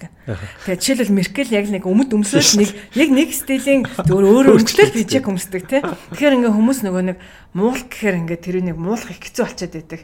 Тэгээд жишээлбэл Ногоси үйл тий арга алдсан тий. Ногоси үйл арга алдсан уу? Одоо бас арга алдсан Тэгэл муулуулна. Тэ. Ногосын үйлбэр ингээд Африк стилээр хэдийгээр тэр энэ нэмэгтэй одоо Америкт маш карьер хийсэн ч гэсэндээ их карьер хийсэн ч гэсэндээ ерөөсө proudly Африк стилээр хувцалдаг тий. Тийм тэгэхээр яг энэ юмнууд бол их чухал юм аа. Гэхдээ нэрээ бас л энэ өнгө үзэмж гэдэг эрэгтэй хүнд ч гэсэн бас чухал байдаг гинэ. Жишээлбэл Winston Churchill Англи дэлхийн 2 дугаар данд удирдан манлаасан дээр алдарт үгээ хэлэхдээ зүгээр юм хар бараан жирийн костюм бижак л өмссөн. Энэ хүн магадгүй нэг юм цайвар шаргал өмсдөг костюм бижак өмссөн байсан бол бас ингээл те одоо тэр нь хүрхвэс нь үгүй юу гэдэг шиг те. Хоёрт нь эмгтэй удирдахч байх нэг загвар гэж байдгүй маа. Тэгэхээр эмгтэй удирдахчдад хатуу зүйлийг хослуулах гэж амаргүй байдаг. Ирээдүйн удирдахчдад одоогийн нормалны гэдгийг өөрчлөх эрхчлөө дараагийн үед байх болов уу гэж байна. Тийм тэгэхээр эмэгтэй удирдахч болгоно л амаргүй замаар явдаг. Тэг өөрөө өөрийнхөө стилийг л ол. Заавал одоо хин нэгний стилийг дуурайх гэдэг хэрэггүй. Гэхдээ энэ бол амаргүй гэдгийг маш мэдэрээ. Тэгээ амбицтай байна гэдэг бол буруу биш шүү. Гэтэ эмэгтэй хүн амбицтай байхад дургууталч гэсэн дагна гэдгийг одоо хүлээн зөвшөөрөө ойлгоорой гэсэн гэж. За тэгээд нөө she's a beautiful bitch гэдэг энэ бол та яста аимшиг эмэгтэй байна да гэж хүмүүс нь хэлнэ гэдгийг гэдгийг бас хүлээн зөвшөөрнө. Тэгээ энүүнийг давна гэдэг бол бас амаргүй нөгөө нэг эрнэ авалт гэжсэн бид тэгэл ингээ сайхан инээмсэглэл явдаг. Тэг ингээд тэрүүний даван тулд заримдаа инээмсэглэхээс өөр аргагүй болдог гэдэг тий. Тэр тэгээд улс төрч байна гэдэг бол тэр чигээр нь нөхцөл байдлыг удирдна гэсэн үг биш. Ер нь тэр чигээр нь удирдах чаддаг улс төрч гэдэг ер нь байхгүй. Магадгүй дарангуулагч байвал тийм байхгүй. Тэгэхээр тэгж чадахгүй гэдгийг ерөөсөө ойлго. Харин энэ бүгдээр зөв анализ хийгээд урьдчилж энүүнд айд сандрахгүйгээр одоо юмд хандаа. Тэгтээ гендрийн тухай магадгүй энэ одоо яриа хилцүүлгүүдийг өрнүүл. Гэтэ өөрөө магадгүй нэг заримдаа ярихаар яг бол өөрөө нөгөө in the game гэж ярьдаг шүү. Өөрөө нөгөө инүүнээс одоо юу яах гээд нэг давуу байдлыг олж авах гэдэг юм шиг хүмүүс бодож бас эмзэглээд байдаг учраас инүүнийг одоо бус хүмүүс инүүний асуудлыг юу нь ярьж явах хэвээр. За тэгээд аим хатуу чанга эмхтэй гэдгийг харуулт хажуугаар бас сэтгэл зүрэхтэй эмхтэй гэдгийг харуулах бас их чухал байдаг а гэж байна. За гэр бүл карьерийг зохицуулах нь баланслах гэж баланслах гэж ер нь байрга байдгүй гэдэг хүлээн зөвшөөр. Тэгээ гэр бүлийн хүнтэйгээ сайхан энийг зөв ойлголц өөрөө ирэхгүй буруутай мэт угаасаа санагдаг филинг гэлтэй. Би ч гэсэн дандаа тийг санагдаг байхгүй. Ингээл хүүхдүүд унтцны дараа очихоор үргэлж филинг гэлтэй те ингээл ялангуяа хүүхдүүд жоохон баг. Тэгээд карьер үү гэр бүл үү гэдэг сонголтыг заавал хийх албагүй Аа тэгээд одоо сүүлийн үед бол маш олон Австралийн төрийн ордон хүүхдээ өдөр хөнжүүлэхтэй цэцэрлэгтэй болсон Английн House of Commons бас хэрвээ хүүхд мөхтэй авах гээд явах юм бол өөрийнхөө өмнөөс коноп дардаг хүнтэй хүн цамилж болдог гинэ бүр тэр итэл те. Тэгээд хүүхдэд болох уугүй юу гэдэг ч гэсэндээ хүлэн зөвшөөрөх ер нь ёстой. Тэг ингээд хүүхдгүү байна гэдэг бол хүний сонголт байхгүй. Хүнтэй суух уу гэдэг бол хүний сонголт. Тэгэхээр энүүнийг ингээд яагаад гэд ингээд үзэн ядах ёстой. Тэгээ заримдаа цөөн байна гэдэг бас өрсөлдөөнийг ширүүсгдгээ тэгж болохгүй. Чи дээшээ явахын тулд эмгтэй та дээшээ явахын тулд бусад эмгтэйчүүдийг доош нь хийх ерөөсөө ёсгүй. Тэгээ улс төр гэдэг бол угаасаа нэг юм boys club баггүй угаасаа ихэнх л ирчүүд байдаг. Тэгэл ирчүүд заримдаа ажлын бус цагаар найзлал нөхөрлөөл. Одоо Монголд бол тэгж гисэн дэлхийд даяар ингээл нэг ууж идэл. За дээрэс нэмэл нөгөө нэг юуны 10 жилийн Eton College гэл нөгөө ихэнх бойсууд төгсөж гардаг те ингээд элит банд нарын сурдаг сургууль мургуулийн манай нөгөө анги манай дээд анги гэл ингээл те одоо тэгээ явцдаг шиг одоо Монголд бол нөгөө нутгийн зөвлөл мөвлөлгээ явдаг шиг те ингээд бас тийм юмнууд байдаг бол угаасаа байдаг юм аа. Гэхдээ одоо тэр бүгдэд битгий их одоо гайхаа. Тэгээ энэ бүхэн бол одоо явандаа бол өөрчлөгдөнө. Тэгээд эмгтэй хүн энэ тэгээ номноос хамгийн чухал нь одоо байгаа цөөхөн эмгтээчүүд маань хүчтэй бай, манлайлагч бай, орох гэж байгаа эмгтээчүүд маань энэ бүгдэд зүрх зорих одоо зоригтой бай, бэлтгэлтэй бай гэдгийг л хэлсэн бэл. За за за. За тэгэхээр ер нь номын одоо дүгнэлтийг бол сая одоо зочин зочин маань ерөөхдөө маш сайхан базаад те гол поинтуудыг бүгдийг хэлчихлээ. За тэгээд энэ хүрээд ном маань ерөөхдөө өндөрлөж байна. Тэгээд та бүхэнд бас таалагдсан гэдэгт найдаж байна. Энэ бүхнээс таа ч гэсэн магадгүй одоо өөрийнхөө талаар тий за магадгүй одоо жишээлбэл эхнэрийнхээ найз охиныхоо талаар ч юм уу бас олж харсан байхаа гэж бодож байна. Тэгэхээр за олон эмэгтэйчүүд бас одоо маллал дарах нь зөвхөн одоо гендрийн асуудал биш тий маш олон төрлийн одоо давуу тал зайлшгүй хийгдэх хэвээр ажлын нэг мэрэгдийг бас ойлголоо. Бас ямар асуудлууд тулгарч болох вэ? Тэндээ ерөнхийдөө асуудал гинэт алга болчихгүй шүү дээ. Тэр үндэ бэлтгэлтэй байх стон байна гэдгийг бас ойлгосон байх гэж бодож байна. Энэ ном орчуулагдаж байгаа юм билээ. Одоо нэг 70% орчимтай орчуулагдаж байгаа. Тэгээ бид төр л мэдээж нэг цаг гарan хугацаанд бүгдээр ингэ ярина гэж байхгүй. Тэгэхээр утгагүй ном орчуулагдахаар та бүхэн манаас олж уншаарай. Тэгээ Women and Leadership Real Lives Real Lessons гэдэг. Тэгээ энэ номыг та бүхэн маань хүсгэн бол Amazon дээрээс үт юм уу захиалж бас уншаарай. Гой ном байлээ. Маш их урам зориг. Ер нь ямар ч салбарын эмгтэй хүнд дээрэс нэмээд одоо охтуудтай аав нарт олон эмгтээчүүдэд үлгэр дуурайлал болох бусад салбарын ч гэсэн эмгтээчүүд заавал уншаасаа гэж хүсэж байна. За. За баярлалаа. За инхүү тэгээд инхүү одоо энэ удаагийн подкаст маань өндөрлөж байна. За өндөрлөхөөс өмнө мэдээж эрүүл эрүүл амьдралын хэв маягийг түгээцгээе. Эрүүл мэндэд чанарыг эрхэмлэгч подкастын маань ерөнхий эдиторч Denk Pharma бидгэнтэй байлаа. Баярлалаа. За баярлалаа. За мөн инхүү одоо бас бас нэг гайхалтай нэгэн дугаараар бас бид бүхэнтэй хамт одоо зочин болж одоо бөөн ажлынхаа хажуугаар те бас энэ номыг уншиж бид хамтдаа хоёр удаа уншиж бас те одоо подкастын маань зочноор орсон бол одоо булган тийг шүнтэй маш их баярлаа. За баярлаа. Та бүхэнд амжилт хүсье. За дараагийн дугаараар түр уулзцгаа түр баярлалаа.